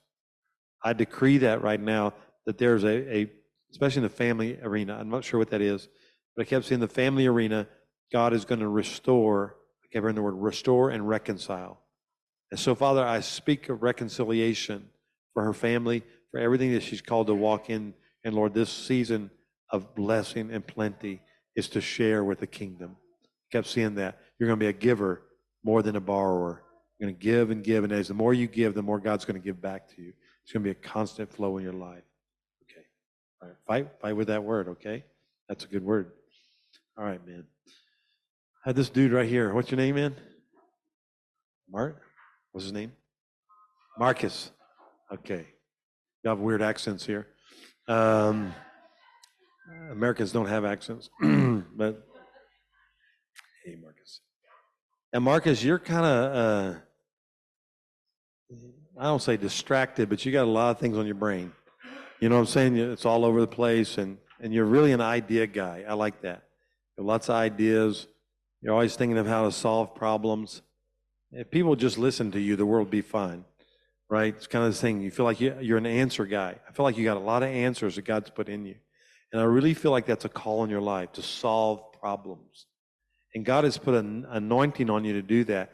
And you have, uh, you like a lot of different things. Uh, I kept seeing you have a lot of things on your plate uh, of things that God uses you to, can use you to do. I want you to know that you're going to be multifaceted in your life. You're going to do multiple things. You won't be just doing one thing all your life. You're to, because there's a variety. You like variety. You like to do different things. You have a lot of interests in your life. God said, I'm going to anoint you in a lot of areas of your life. So what you put your hands to, you're going to have favor on you. Because the Lord said, uh, you're going to have favor with people in situations. They're not going to why, but they just, just like you. And they're going to give you opportunity. They go like, I don't know why I want to do this, but I want to do this for you and you're going to have real favor on your life. Understand this this is from the Lord. Don't use it for selfish reasons, use it for the Lord because He put it in you so that His name be glorified. And God is going to give you influence with your generation in such a special way. You speak into your generation. Do not think that what you're doing is not important. It is. When you speak life and you speak hope to anybody, I want you to understand it means a lot to them. You think, well, it's just me, Marcus, talking. No, it's not. It's the Lord speaking through you. So I kept seeing you as a mentor and a equipper. You're going to mentor other people your age, but you're going to equip them. And I, I don't know, I saw you speaking to youth groups, young people, and just speaking into their lives. And then just saying what God tells you to say. And watch what happens to those young people. They're going to like, because they want to be like you. They want what you have. They're going to want to walk in what you carry. It's a very important call in your life. This is an important day for you to walk in that. So I just encourage you, okay? It's a good word. How you doing, man? You doing good? I love this dude. Hmm. There's a saying we say in America, uh, been rode hard and put up wet. And that means you've been through a lot of stuff and just having to dry out, you know, in a sense. Like if you work out in the, riding cattle, riding a horse and they get rained on, you got to put all your gear up and let it dry out. I feel like that's what's been happening to you. You've been riding hard, a lot of hard rain, a lot of storms, and you feel like I just got to dry out. I got so much stuff that's come against me. It's been very difficult. I just kept seeing that. But the Lord said, Don't worry. The fact that you've been moving forward in the midst of the storm is a promise. The promises will be fulfilled. Everything over your life that you're believing for, God said, I've already done it. I'm going to be faithful, the Lord said. But it's been hard. I'm telling you, you've been through it. I don't know it. Has not told me anything. I just know you've been through it in this last season. But I want you to know it's going to be worth it. This season is going to produce a harvest for generations. Did you hear that? This season is going to be a harvest for generations. You're sowing into the future generations right now by persevering in this difficult season. So, Father, I thank you for my brother. And I say, you are going to be faithful to that word over him. Father, I bless him, Lord. Let him keep writing. Don't let him quit, Father, in the name of Jesus. That makes sense? Okay. You know, as one guy said, you know, if, if you're going through hell, keep walking until you walk out of hell. That's a good word, right? I've been there before. It's a good word, isn't it, bro? What's your name? Sepa? All right, man. You from this area? Are you from this region here? From outside? They let you come here, though, right? You have a visa? How'd you get here? No, no, I'm messing with you. Uh, yeah, there's a um, wow. You're a soldier in the army. You've been really faithful to do what your commanders told you to do. These are people over your life. That people want to speak into your life and just encourage you. And I kept seeing you get in sync with the Lord. And this is what the Lord said the steps of a righteous man are ordered of him, right? We know that. I'm telling you, these steps are so ordered for you right now. The Lord said, Don't measure your future by your present. Hear me? Don't measure your future by your present because your present is a preparation for your future. And as you're walking in this present time right now, just being faithful, just doing what's asked you to do, being a good soldier, in the midst of that, it's going to reap a harvest of 30, 60, and 100 fold. It's coming in three months, in six months, and 10 months. Once you hear that, I kept hearing that. This is going to be a big year for you. This is a year of opportunity, of new doors opening for you. So you just walk in this season and be faithful with what you're told to walk in. Don't get impatient. Don't judge those who are telling you what to do. Just walk in it. And say, God, you're telling me to stay in this season. I'm going to stay in this season and watch the harvest come to your house. It's coming to your house. That's a good word, isn't it? You want that word? Take it from me, man. no. What's your name? Seppu? You from here? Okay, good. You don't need a visa. That's good. Yeah. Ooh. I saw the enemy some took a cricket bat and hit you against the head one time. Tried to knock you out. I mean, tried to take you out. And you stood up and said, Nope, I'm going to fight. There were times you were so discouraged, you didn't know if you could get back up. And God was faithful. He called you, bro, a long time ago. I don't know what your childhood was, but it was rough. I saw in this this mire and mud like a childhood where it just wasn't a good place. You, but you persevered. People said you wouldn't be anything, you wouldn't make it, but you did. And here you are today. You're not where you're supposed to be fully, but you're where you are today because God put that perseverance in you. And you've produced that perseverance. And I want you to know that thing that hit you upside the head, the Lord said, I'm going to let you use it against the enemy. It's going to be a tool for you to get retribution and get back and restore and recover all. Do you hear that? Uh-huh. Restore and recover all. Because he stole some years from you. There were some years that you got stuck just trying to get out of that stuff. And God said, and will store it back. And you're going to walk in the fullness of everything that God put in your heart. Now here's your passion. You have like a you're you're very prophetic in the sense that you see everything right or wrong, black or white. You know, just that way. But I want you to know this prophetic gift on you is going to come alive. And you are going to get back.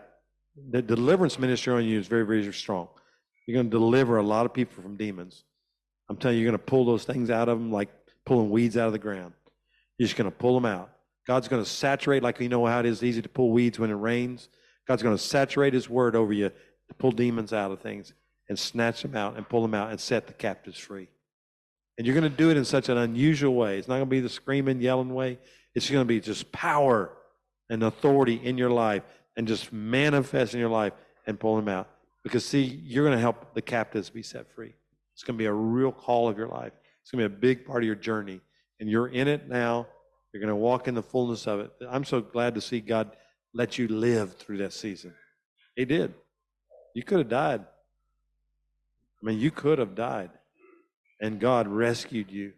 And this is a place right now where God now is going to, you're going to be a banner. You're going to be a banner. And every time you come in the room, the Bible talks about in the Song of Songs, he's, an, he's a terrible army of banners. What, the, what a banner is, when a military went to war, they had a banner, a flag, and it was their victories. And so when they went into war, the enemy would say, Oh, God, look at all those victories. That's what you have in the spirit. You got all these banners of victories that you've had in your life. And when you come, the enemy goes, Oh, no, here he comes. Look at all the victories he's had. And you're going to have more and more of them. And you're going to have others to have more and more of them in the days ahead. That makes sense? All right, like, y'all know this dude? Y'all know him? Do you know him? Okay. Okay. Yeah. Is that, is that word accurate? Okay. 100%. I like that. I like when they say 100%. You know, when I'm in Russia, they say 100%. Yeah. I like that. What's your name? Isaac. That's my, I have a son named Isaac. You're a little bit older than him. But uh, I like you, Isaac. Uh, Isaac is a, I saw you as a choir director. You know, a choir director, he makes everybody in tune. He makes everybody sing on key. He makes everybody going after one goal, after one purpose, and you have that gift on your life to direct everybody to go one direction and making sure that everybody is staying on their mark. And I want you to know you're strict. You have a real strict thing on you, and where you're just like, I don't have time for that. Let's get in order here. Because why? You see where we're going. You have vision for the future and you're trying to raise up a group of people that will go to the future. It's a real gift on you. And I want you to know, the Lord said, I'm going to take it to the next level. There's a new anointing coming on you for the next level to lead a greater group of people. And here's one thing I saw you as a bridge to connect groups that will not connect together. And you're going to lay your life down, they're going to walk on your back. In other words, you're going to lay your life down, but you're going to connect groups that won't even talk to each other. You're to, this whole thing about ancestral worship here,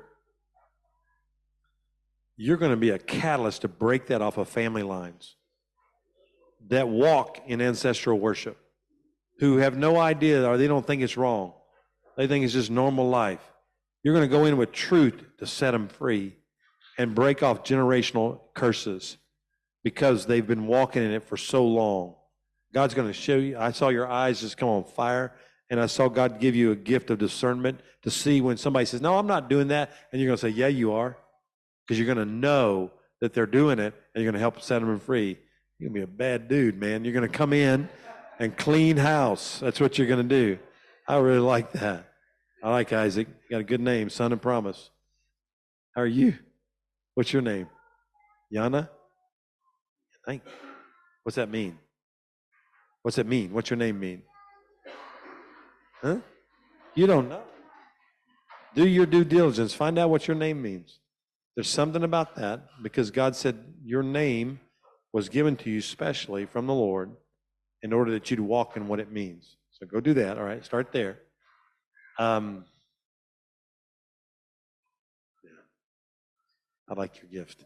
Uh, you, you like unusual things. You're you're always different than everybody else. Um, if if all the girls are going this way, you're going this way. You don't want to be like everybody else. Amen. I just say amen to that. You're supposed to be one who's a leader and not a follower.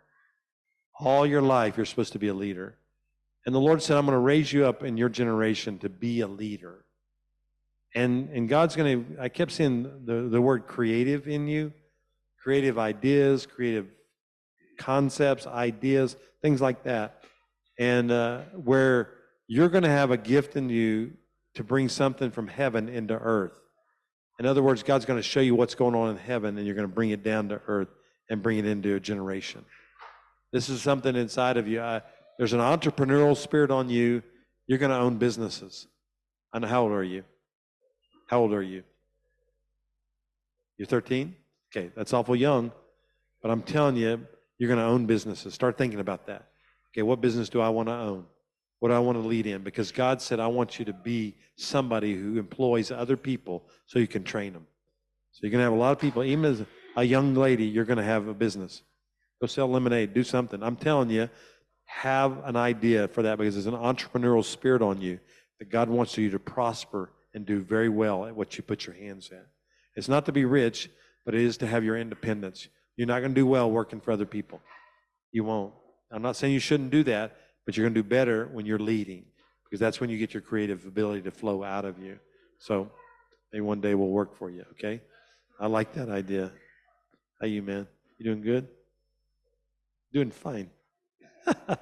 What's your first name again? Rikus. I like I prayed over you before. Do you remember that? Yeah, a long time ago. Yeah. Um, you're what we call an old soul. You're, you're a young man with got an old soul inside of you. In other words, you think like somebody who's older and very mature in that way.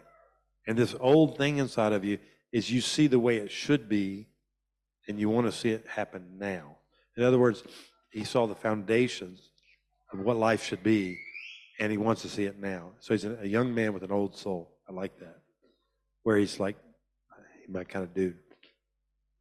Where you want to see the foundations of the kingdom put in the earth.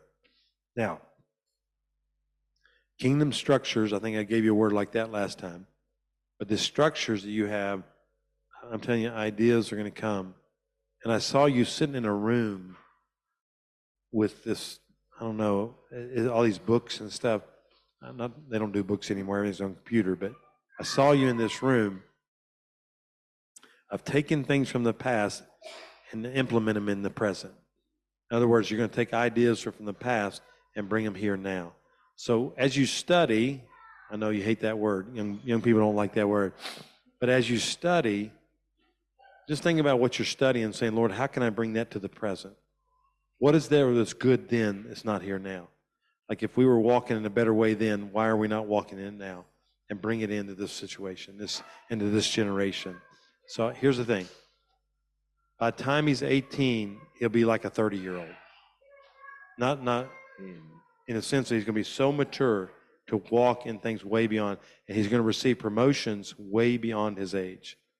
Because God, they're not going to look at his age, they're going to look at his anointing. And he will have honor because of the anointing, not because of just what he does. And they're not going to know why. A protege is what I heard. He'll be a protege for somebody where they're going to pull him in and develop him and raise him up. This is going to be a call in his life. All right, you do that, bud. All right? I like that. I like his heart. Everybody doing good?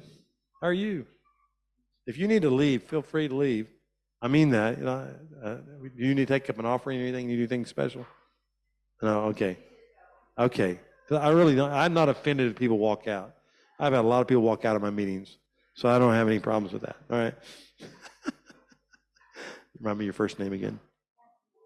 Elian. All right. Wow.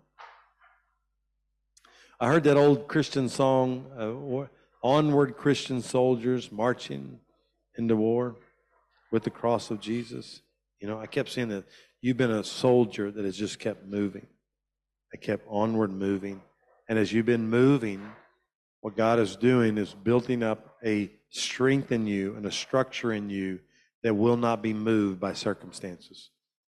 And God has gifted you to be a strength to others who lose it, who lose their strength. God said, I'm going, I use you to be one who gives strength to them. And this is a season where I felt like you prayed and you pressed into some things so often that you wondered, Lord, has it made a difference? I want you to know, number one, Lord said it has. But number two, you're going to see a manifestation of seeds past seasons producing harvests in present seasons. This is a season of harvest for you.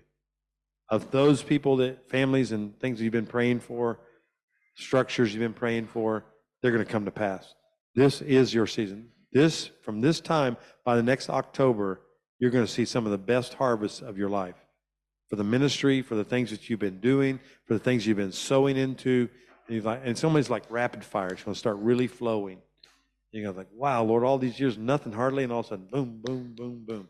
This is your season. Do not quit now. Keep moving, onward, soldier, marching into battle because you're a warrior. Mm, you are a warrior. You have not given up. So many times people gave up, other people gave up, you didn't. You just kept fighting. And I want you to know you're going to be rewarded this year. I honor you for that. Thank you. I like to be around soldiers. How are you? You doing good? Didn't I come to your place? Did I come to your place? Yeah, yeah, I remember that now. Yeah. You invite me back again. That was good. I enjoyed that. Um, I'm not inviting myself, but sort of. Remember your first name? Hittian. Lord, I thank you for Hittian. I thank you for her call. Whoa. Um, I heard this, Lord said, things are about to mushroom. Mushroom, you know, means it's going to grow outward.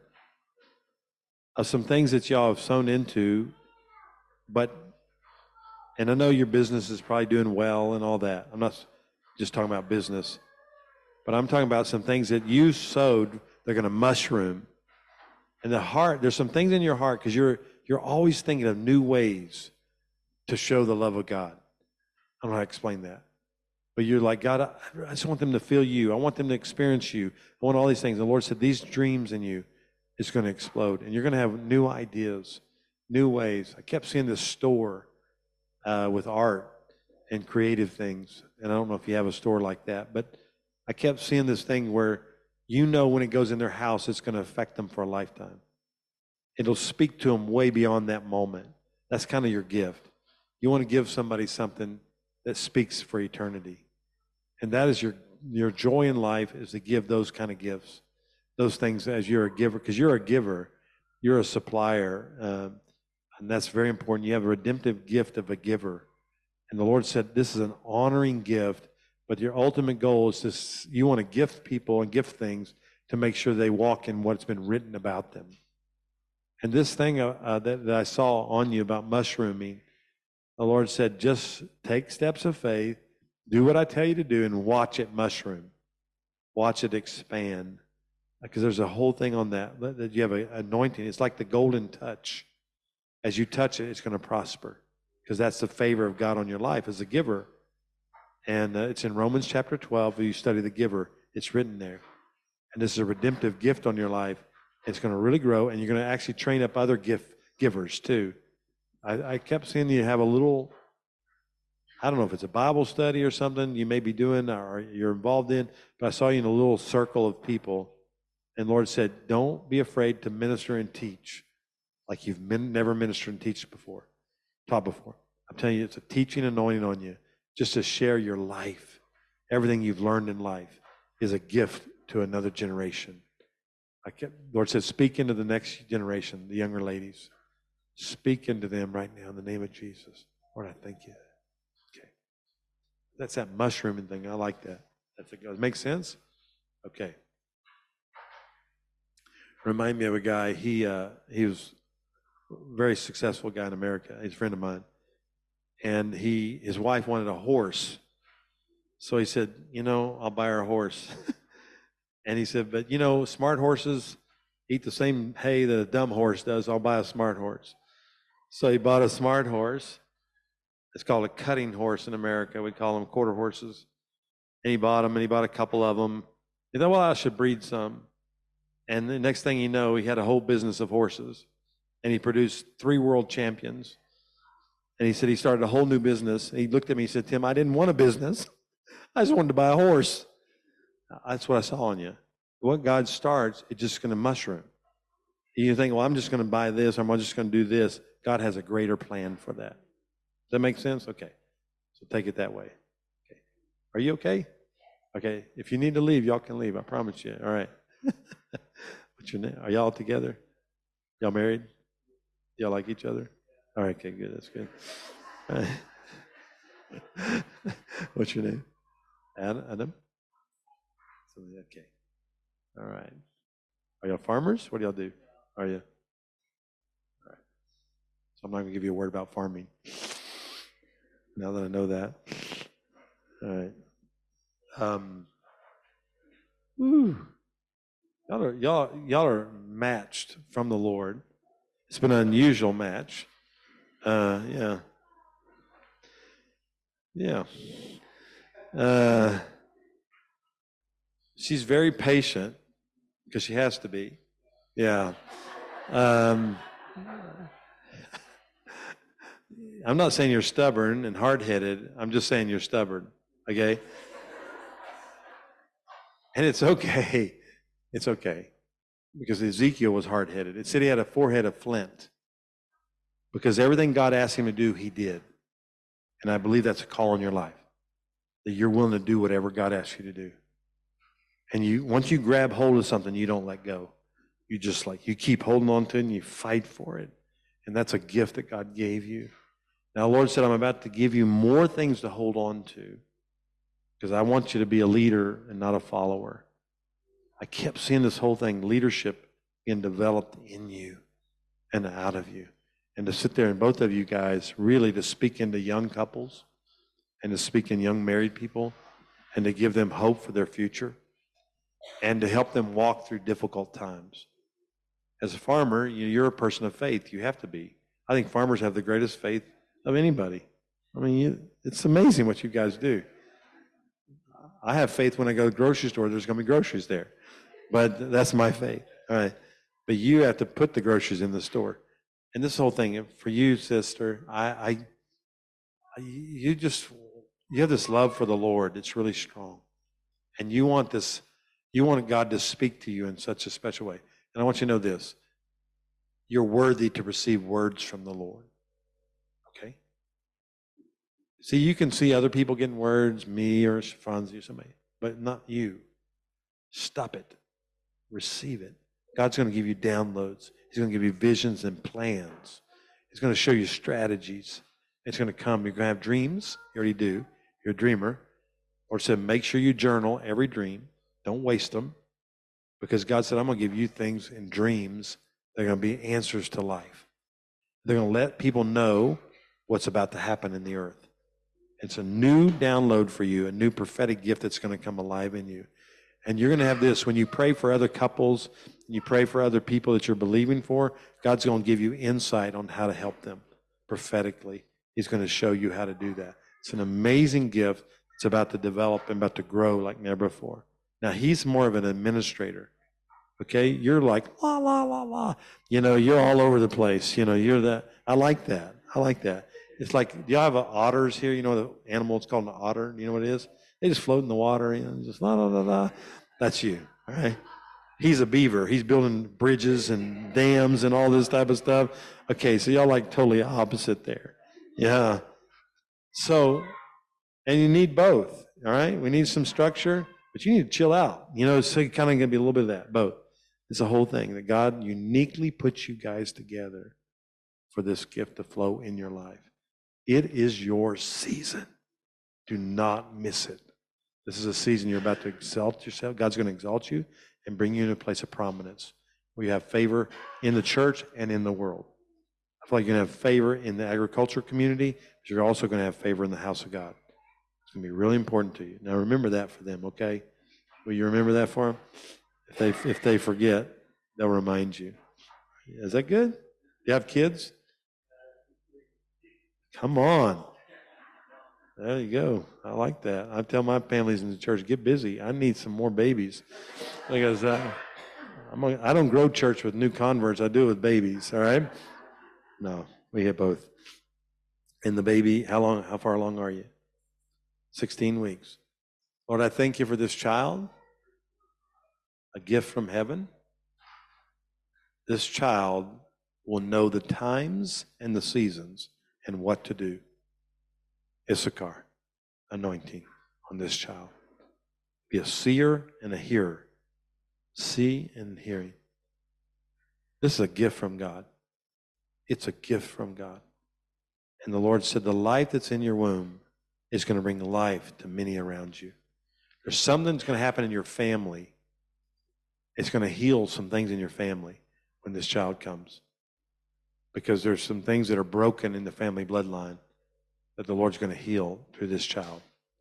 When it comes forth, love is going to appear in the family like never before. Lord, I thank you for this child. I thank you for the family. We say, Lord, let it live and not die. In Jesus' name, amen. Amen. Y'all together? Sort of? All right. Y'all like each other, right? Yeah. All right. What's your name? Yuan? Noreen? All right. Like Johan, like that? Okay. Uh, another one. There's guy. All right. Um, yeah, I just, it's weird. Um, I feel like you're, especially for you, you're supposed to heal your family line. Uh, your family line has been really messed up. And the family has not ever walked in what it's supposed to walk in. Never. And the Lord said, through you, it's going to. There's something, I don't know, you're going to have to study your family. I heard the 1920s, something bad happened in the 1920s. You have to probably find out about grandpa or great grandpa or somebody. And the Lord said, I'm going to use you to heal something from that far back and bring them into the future and bring them in out of darkness into his marvelous light. Because your family is like shut down in so many ways, has not walked in the fullness or call, but you're going to walk in it and you're going to be used. You are a marker of time. And God said, when you're walking your call, your family will say, We can do it too. And I don't know, there's just, I don't want to tell you all that I'm seeing, but it's, you know what happened. I mean, I don't, but I'm just telling you, healing anointing on you and a real healing grace upon you to deal with that. Now, I kept hearing this this word of the Lord come through you and really flow out of you of hope. And I just kept feeling God's going to give you words of hope. You're going to speak life and speak life. And don't don't let the problems be your verbiage and what you talk about. Let it be life of what God's going to use through you and pull you out of.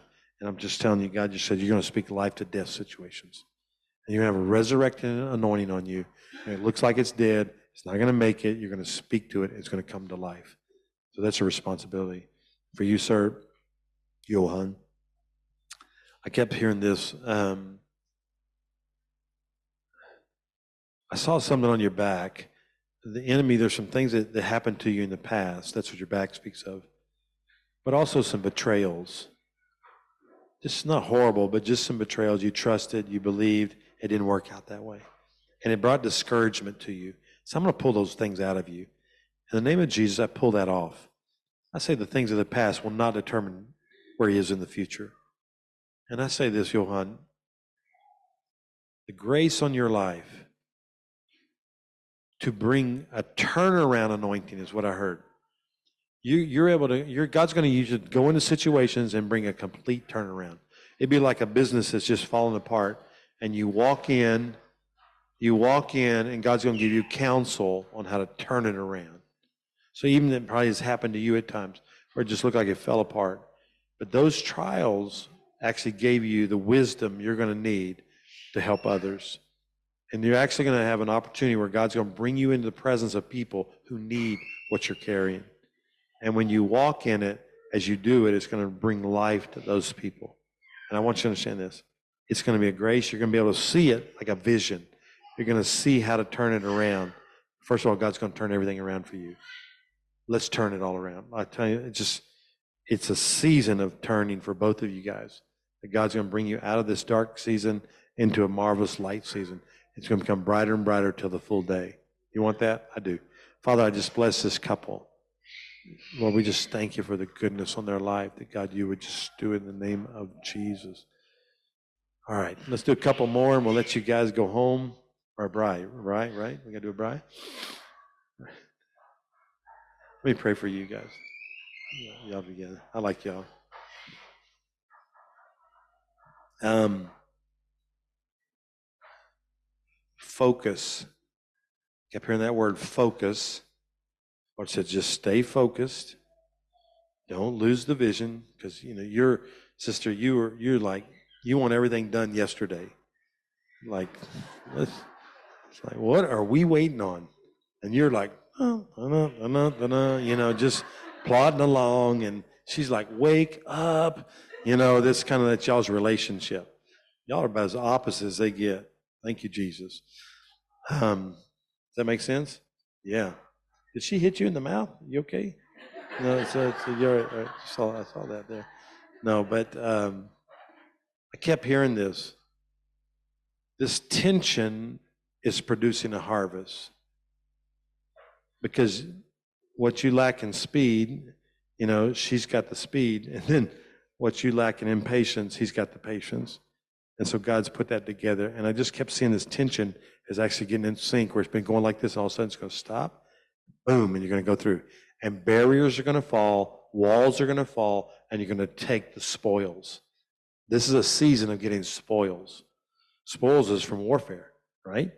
When they go to war, they have, they have spoils that come from it, and you reap a harvest from it. Genesis 21, where, where Abraham got the spoils of war. And you're about to have spoils from war. And when you get them, you tithe the Lord, right? Like Abraham did. You take communion. We say, Lord, thank you for the spoils of war. But I'm telling you, the battle, the war that you've been in is going to be worth it because you're going to get a great reward in this coming season. And this heart for you, sis, where you are just, you want to see everybody have everything that they're called to walk in. Until your joy is to see people walk in the fullness of their life. And you just want to speak that over them you want them to be in it yesterday, not today, that's okay because you're the tension in their life.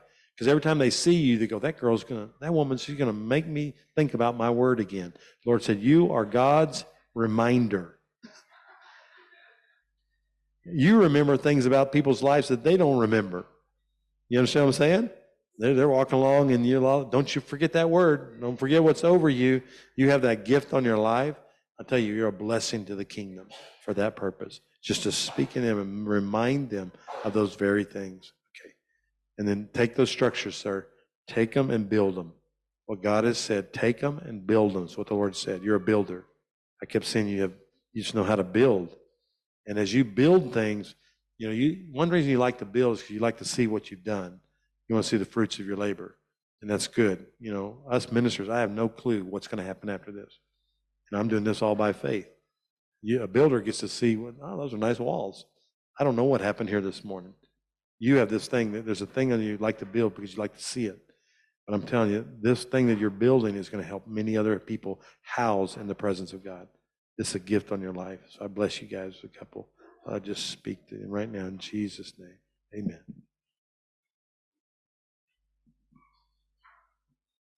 Amen.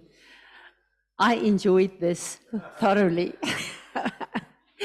And I can stand here this morning and look at quite a few pe- people and say, I told you so. so, so to me, this is really just a wonderful, wonderful place where God, through His mercy and His grace, just come and, and uplift us, come and uh, uh, uh, give us direction, come and highlight things in our lives. Isn't the Lord so, so good? Let's just give Him a clap offering for this morning.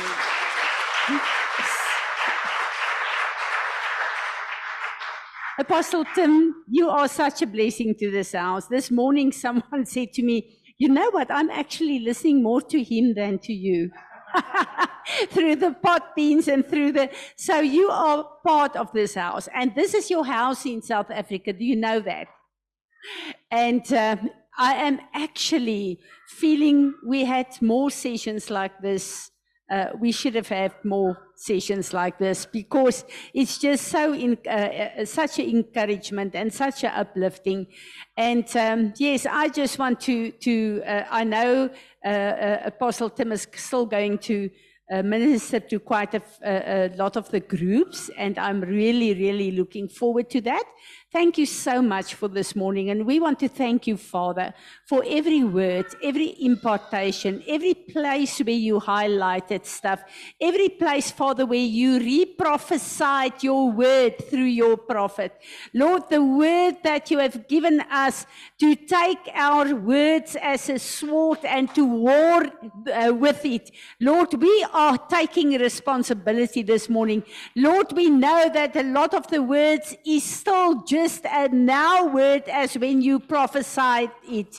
And we are going to stand with this, Father, because the word that you are speaking out over our lives is to glorify your life through the destiny uh, in our lives that unfold. So, Father, we just want to thank you. We want to bless you this morning. And, Father, we want to come and bless Apostle Tim. We want to bless Susan. We want to bless their congregation, Father. And, Father, we just want to come and we want to say thank you. We are so grateful for this morning. So, Lord, um, uh, we just want to come and, and uh, uh, uh celebrate your um, receipt that you have given us through the communion. And Father, as we lift up this communion, this bread, and this wine this morning, we are preaching to principalities and powers and say, This is the receipt. We are bought by the blood of Jesus. Our destinies has been redeemed on the cross of Calvary. So, Father, as we are going to use this this morning, we want to come and we want to say, Lord, um, this is the meal that you have given us, Father. And thank you that when we celebrate it every day, we are reminded of his body that was broken for each and every one of us, Father, for the whole world. And we pray that as we do this, Father, this will be a prophetic action to, draw, to lift him up so that the nations of the world can be drawn to him, Lord. As we uh, take this wine. We want to say thank you, Lord Jesus, that your blood redeemed our DNA.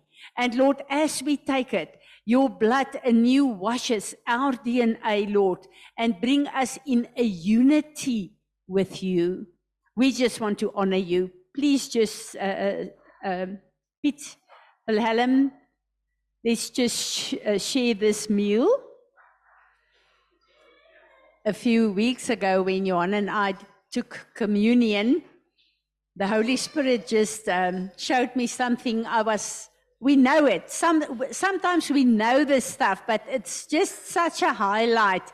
And I realized God created us and put us in a garden, and to eat was one of the important things we had to do. The end of Revelation, we are back in a garden with the trees with fruit for all 12 months continuously. But in between the two gardens, God gave us a meal for us as his children to celebrate communion and his body with him. Amen. Amen. Let's stand and uh, I want Rudolf to come and pray for us and then we will uh, do the, um, the uh, uh blessing.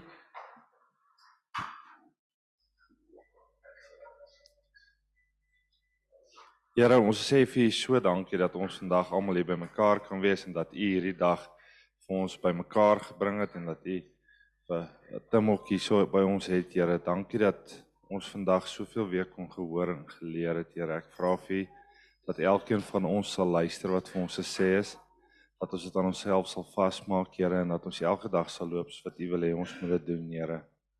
Dankie dat elkeen van ons hier kan wees dat ons gesond kan wees, Here, en dat ons kan weet U is met ons. Vader, ek wil vir U vra seën die hande wat die voedsel op voorberei het vir almal wat nou gaan eet hierna. Here, ek wil vir U vra, sal U asseblief met elkeen van ons wees in hierdie week wat kom. Here, dankie dat daar vooruitsig is vir reën. Here, ek wil vir U vra dat die reën sal val soos wat dit U hart is. U hart is vir elke persoon, Here, en dat dankie dat ons aan 'n seisoen kan staan waar ons kan plant, waar ons die grond kan ryk en waar ons kan sien U hand is weer oor alles, Here. Dankie vir U goedheid vir ons. Here, ek wil vir U vra gaan met hierdie week en met die konferensie op wat die naweek gebeur. Here, laat U wil daar ook sal geskied. Dankie vir al die liefde vir elkeen van ons dat elkeen van ons wat hier so sit, Here, geliefd is in U oë en dat U goed is vir ons. Here, ons verklaar U is die enigste God wat ons aanbid en ons kan niks op hierdie aarde doen as U nie saam met ons is nie, Here. Amen. Let's re- receive the blessing and go in his peace.